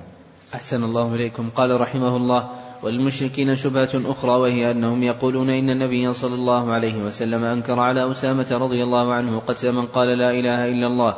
وقال قتلته بعدما قال لا إله إلا الله وكذلك قوله صلى الله عليه وسلم أمرت أن أقاتل الناس حتى يقولوا لا إله إلا الله وكذلك أحاديث أخرى في الكف عمن قالها ومراد هؤلاء الجهلة أن من قال لا يكفر ولا يقتل ولو فعل ما فعل فيقال لهؤلاء الجهلة المشركين معلوم أن رسول الله صلى الله عليه وسلم قاتل اليهود وسباهم وهم يقولون لا إله إلا الله وأن أصحاب رسول الله صلى الله عليه وسلم قاتلوا بني حنيفة وهم يشهدون أن لا إله إلا الله وأن محمدا رسول الله ويصلون ويدعون الإسلام وكذلك الذين حرقهم علي بن أبي طالب رضي الله عنه بالنار.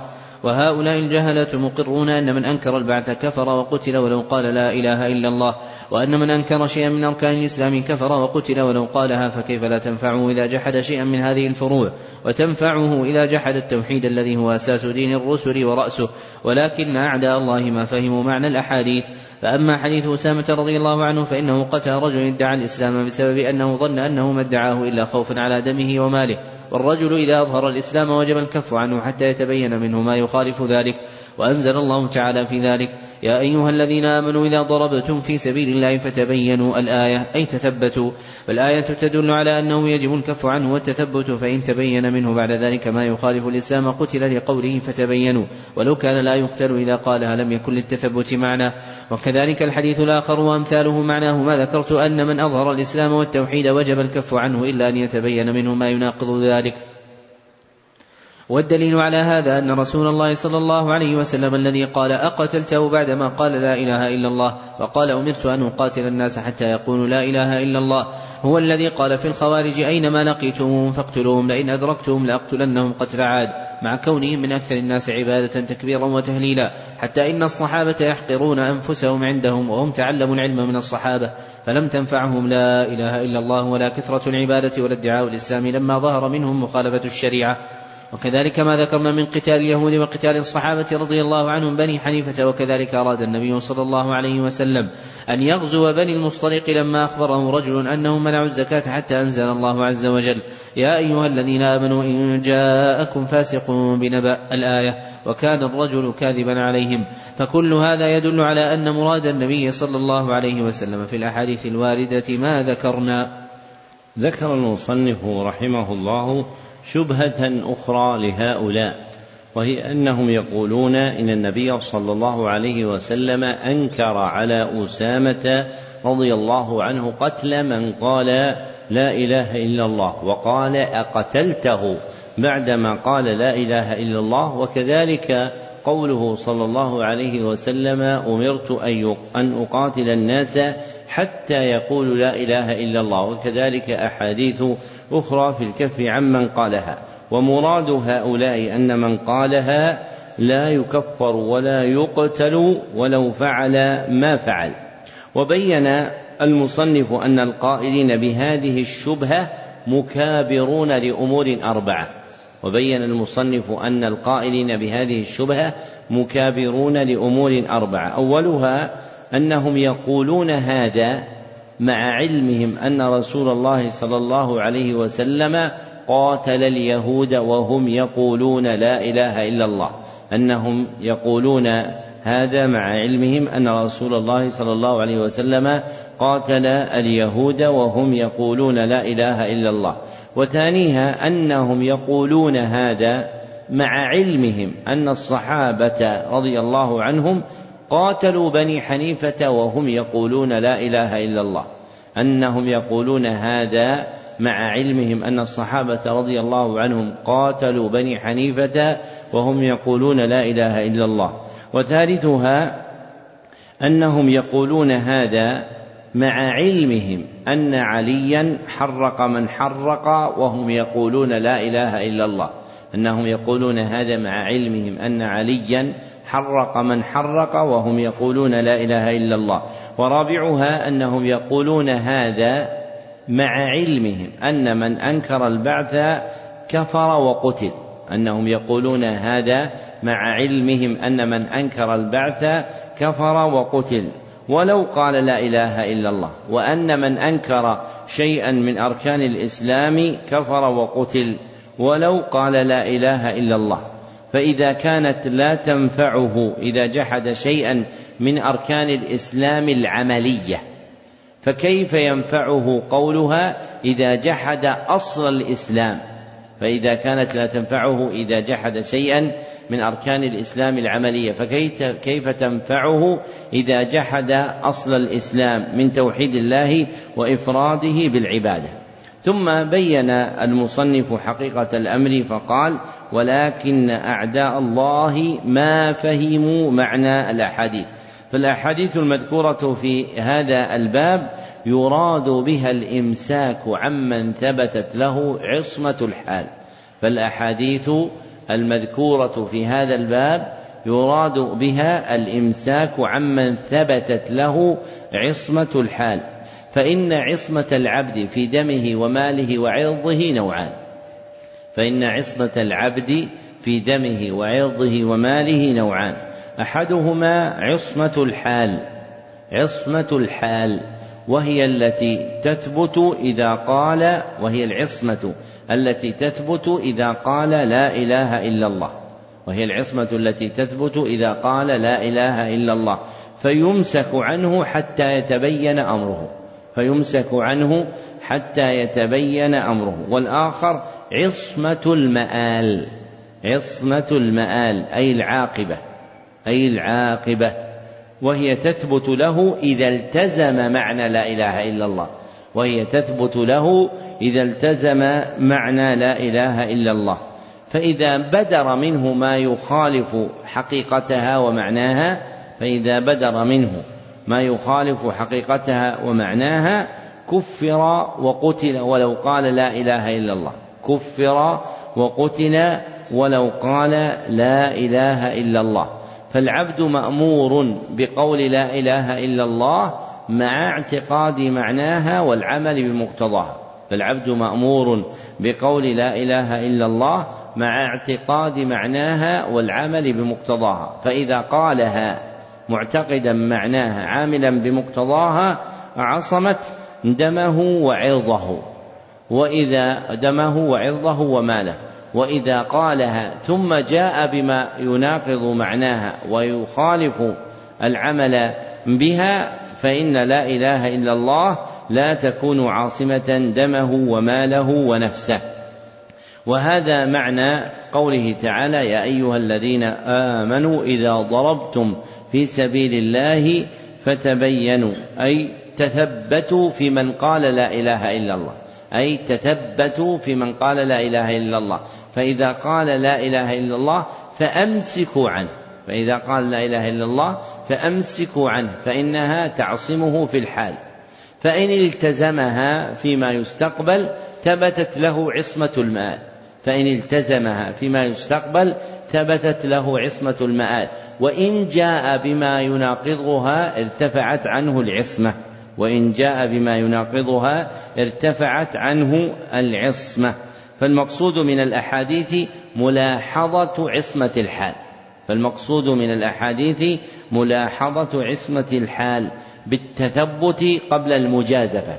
بالتثبت قبل المجازفة. ثم ذكر المصنف أربعة أدلة تدل على صحة فهم الأحاديث وفق ما تقدم وأن المقصود فيها هو الإمساك في عصمة الحال وأن المقصود فيها هو الإمساك في عصمة الحال وأما بقاء عصمة المآل فمعلق بالتزام لا إله إلا الله وأما بقاء عصمة المآل فمعلق بالتزام لا إله إلا الله.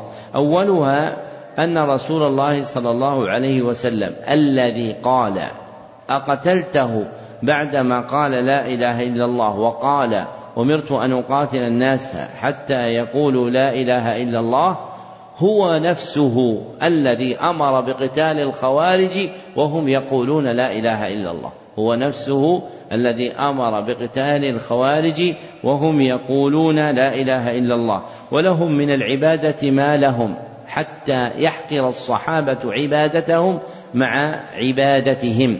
وثانيها ما تقدم من قتال النبي صلى الله عليه وسلم اليهود وهم يقولون لا إله إلا الله. ما تقدم من قتال النبي صلى الله عليه وسلم اليهود وهم يقولون لا إله إلا الله. فقاتلهم النبي صلى الله عليه وسلم وسبى نساءهم وذراريهم ولم ينفعهم قول لا إله إلا الله فلم تكن عاصمة أموالهم ولا دماءهم ولا أعراضهم.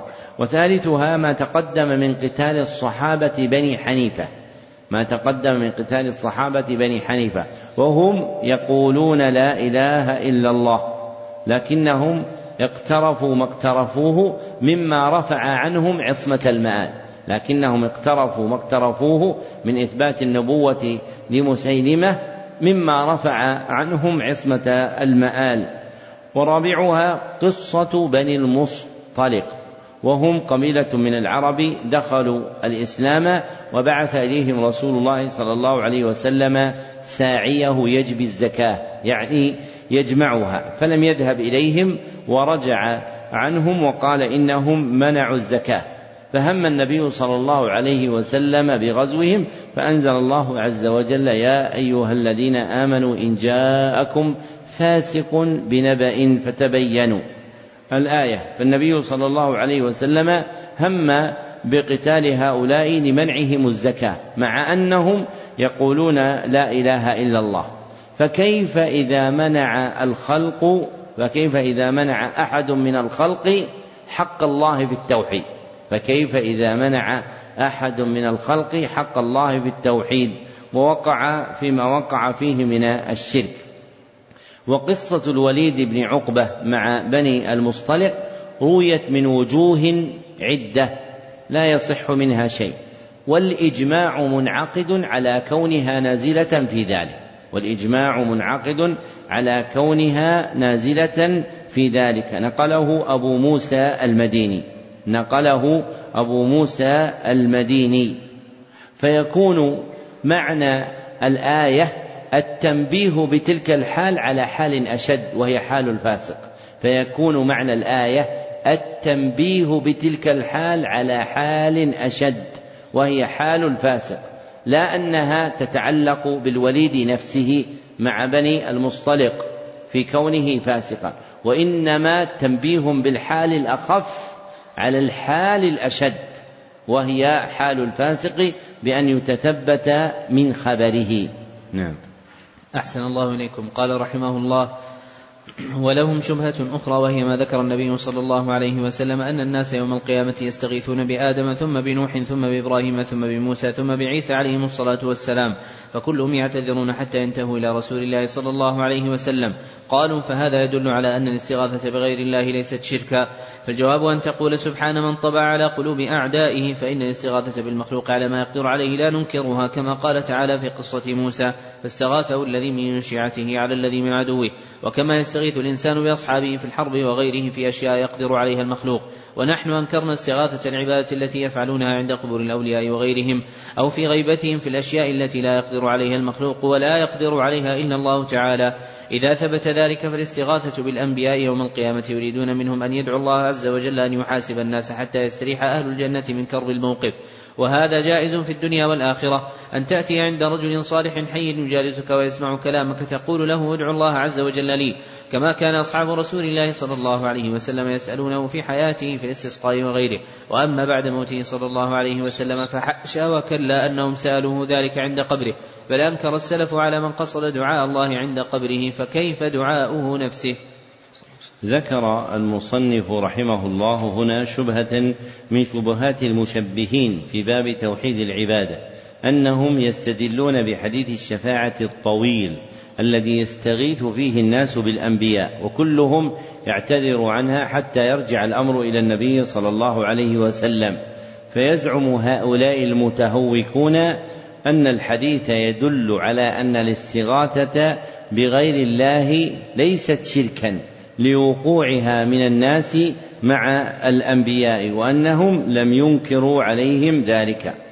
وإبطال هذه الشبهة بالإعلام بأن الذي فعلوه ليس من جنس الاستغاثة الشركية وإبطال هذه الشبهة بالإعلام بأن الذي فعلوه ليس من جنس الاستغاثة الشركية فهم يستغيثون بحي حاضر قادر على ما سئل فيه فهم يستغيثون بحي حاضر قادر فيما سئل فيه. فإن الأنبياء يكونون حينئذ أحياء حاضرين قادرين على الشفاعة عند الله لما لهم من مقام عنده. فإن مما ثبت أن الأنبياء يشفعون وهذا لا ينكره أحد. وإنما الشأن في الاستغاثة بالموتى أو الغيب أو العاجزين بأن يستغيث العبد بمن ليس حيا أو ليس حاضرا أو ليس قادرا على ما سئل فيه. فإن هذه هي الاستغاثة الشركية التي نهينا عنها. نعم. أحسن الله إليكم. قال رحمه الله ولهم شبهة أخرى وهي قصة إبراهيم عليه السلام لما ألقي في النار فاعترض له جبرائيل عليه السلام في الهواء فقال ألك حاجة؟ فقال إبراهيم عليه السلام أما إليك فلا. قالوا فلو كانت الاستغاثة بجبرائيل عليه السلام شركا لم يعرضها على إبراهيم. فالجواب أن هذا من جنس الشبهة الأولى فإن جبرائيل عليه السلام عرض عليه أن ينفعه بأمر يقدر عليه فإنه كما قال الله تعالى فيه علمه شديد القوى. فلو أذن الله له أن يأخذ نار إبراهيم وما حولها من الأرض والجبال ويلقيها في المشرق أو المغرب لفعل. ولو أمره الله عز وجل أن يضع إبراهيم عنهم في مكان بعيد لفعل ولو أمره أن يرفعه إلى السماء لفعل. وهذا كرجل غني له مال كثير يرى رجلا محتاجا فيعرض عليه أن يقرضه أو يهبه شيئا يقضي به حاجته فيأبى ذلك الرجل المحتاج أن يأخذ ويصبر حتى يأتيه الله عز وجل برزق منه لا منة فيه لأحد. فأين هذا من استغاثة العبادة والشرك لو كانوا يفقهون؟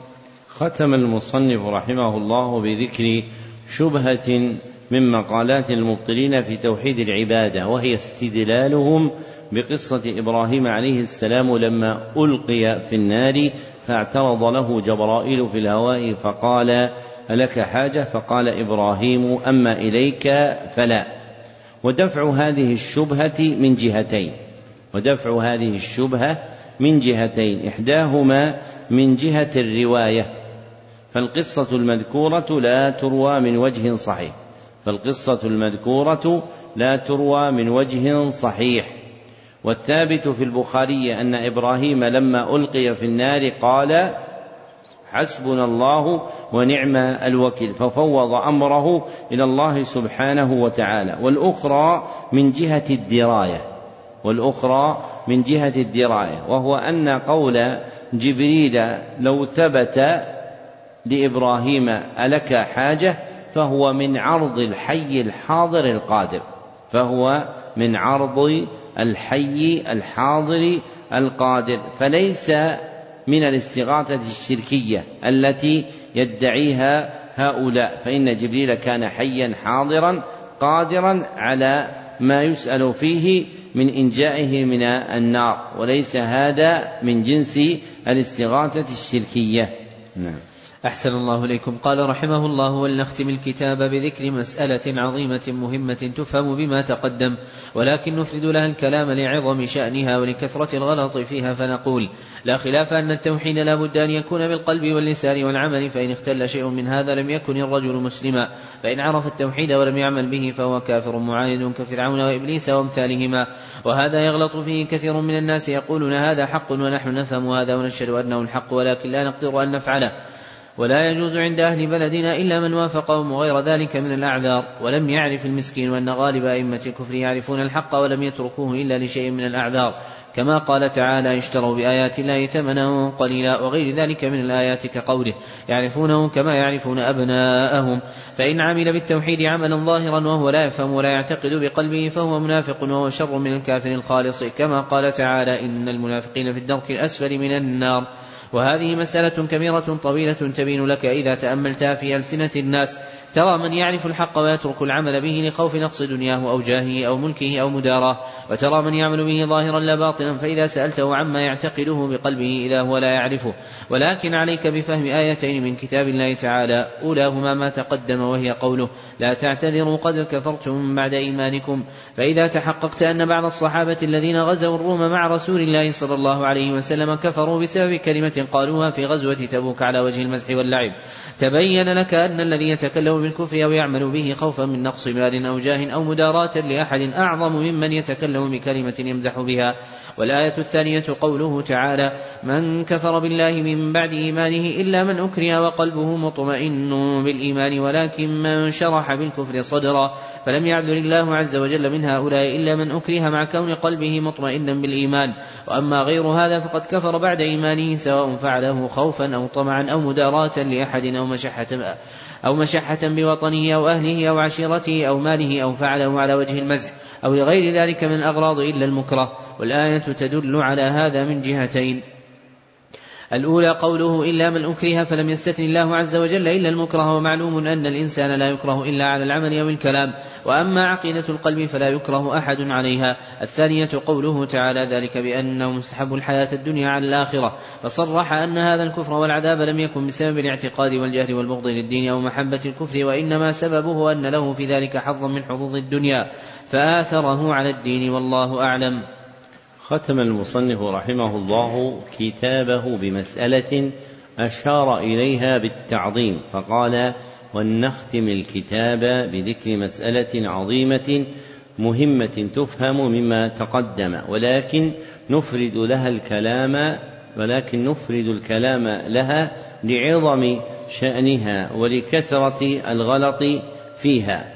ثم بين أن التوحيد متعلق بثلاثة أجزاء هي القلب واللسان والعمل. فلا يكون الرجل موحدا حتى يجتمع قلبه ولسانه وعمله على الإقرار بالتوحيد. أما من أقر بقلبه فقط أو اعترف بالتوحيد بلسانه فقط أو في ظاهر عمله فقط ولم يقر في باطنه فإنه لا يثبت توحيده. فالناس ينقسمون بهذا الاعتبار ثلاثة أقسام. فالناس ينقسمون بهذا الاعتبار ثلاثة أقسام. أولها أن يكون العبد مقرا بالتوحيد باطرا باطنا وظاهرا. أن يكون العبد مقرا بالتوحيد باطنا وظاهرا. وهذه هي حال الموحد. وثانيها أن يكون العبد مقرا بالتوحيد باطنا. ولكنه لا يلتزمه ظاهرا. أن يكون العبد مقرا بالتوحيد باطنا ولكنه لا يلتزمه ظاهرا. وتكون هذه في الكافرين وتكون هذه في الكافرين. والقسم الثالث من يكون قلبه منطويا على الكفر. وأما ظاهره فإنه يقر بالتوحيد. من يكون باطنه مقر منطويا على الكفر. وأما ظاهره فإنه مقر بالتوحيد. وهذه حال المنافق. وهذه حال المنافق.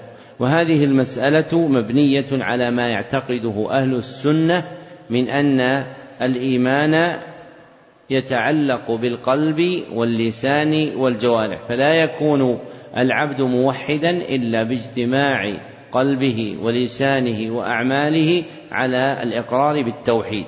ثم حتى المصنف رحمه الله على فهم آيتين ليحذر العبد الوقوع فيما يخالف هذا المقتضى. تدلان على أن العبد قد يكفر بسبب كلمة يقولها على وجه اللعب والمزح.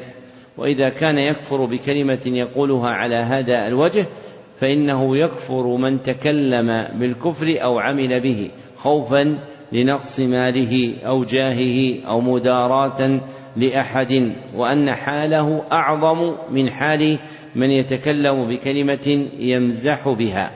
ولا يخرج العبد معذورا إلا في حال الإكراه ولا يخرج العبد من معرة ذلك معذورا إلا في حال الإكراه. والإكراه إرغام العبد على ما لا يريد. والإكراه إرغام العبد على ما لا يريد. والمكره له حالان والمكره له حالان إحداهما إكراهه مع اطمئنان قلبه إكراهه مع اطمئنان قلبه. ولا شيء عليه ولا شيء عليه كما قال تعالى إلا من أكره وقلبه مطمئن بالإيمان إلا من أكره وقلبه مطمئن بالإيمان. والآخر إكراهه مع اطمئنان قلبه بالكفر. إكراهه مع اطمئنان قلبه بالكفر فيخرج بذلك من الإسلام فيخرج بذلك من الإسلام فيجيب إلى الكفر ظاهرا وباطنا فيجيب إلى الكفر ظاهرا وباطنا. ثم نبه المصنف إلى قاعدة عظيمة فقال ومعلوم أن الإنسان لا يكره إلا على العمل أو الكلام أما عقيدة القلب فلا يكره أحد عليها فالمكره على شيء له موردان فالمكره على شيء له موردان أحدهما أن يكون الإكراه في قول أو عمل أن يكون الإكراه في قول أو عمل. وهذا مما يقبل فيه دعوى الإكراه وهذا مما تقبل فيه دعوى الإكراه. والآخر أن يكون الإكراه في عقيدة القلب. أن يكون الإكراه في عقيدة القلب ومدعيها كاذب ومدعيها كاذب لأن العقائد الباطنة لا يمكن الإكراه عليها لأن العقائد الباطنة لا يمكن الإكراه عليها إذ لا يطلع عليها إذ لا يطلع عليها ولا يمكن لغير صاحبها التصرف فيها ولا يمكن لغير صاحبها التصرف فيها. وهذا آخر البيان على هذا الكتاب بما يناسب المقام. اكتبوا طبقة السماع. سمع علي جميع كشف الشبهات. سمع علي جميع كشف الشبهات بقراءة غيره صاحبنا ويكتب اسمه تاما. فلان بن فلان. فتم له ذلك في مجلس واحد. فتم له ذلك في مجلس واحد بالميعاد المثبت في محله من نسخته وأجزت له روايته عني إجازة خاصة من معين لمعين في معين بإسناد المذكور في منح المكرمات لإجازة طلاب المهمات. والحمد لله رب العالمين. صحيح ذلك وكتبه صالح بن عبد الله بن حمد العصيمي يوم الاثنين الرابع والعشرين من شهر ربيع الآخر سنة أربعين وأربعمائة وألف في المسجد النبوي بمدينة الرسول صلى الله عليه وسلم. وأنبه في آخر الدرس إلى اصطحاب الجزء الثاني من الكتاب لنقرأ منه شيئا في دروس المساء إن أمكن. ففي المساء تحضرون المجلد الأول والثاني من مقررات البرنامج الحمد لله رب العالمين.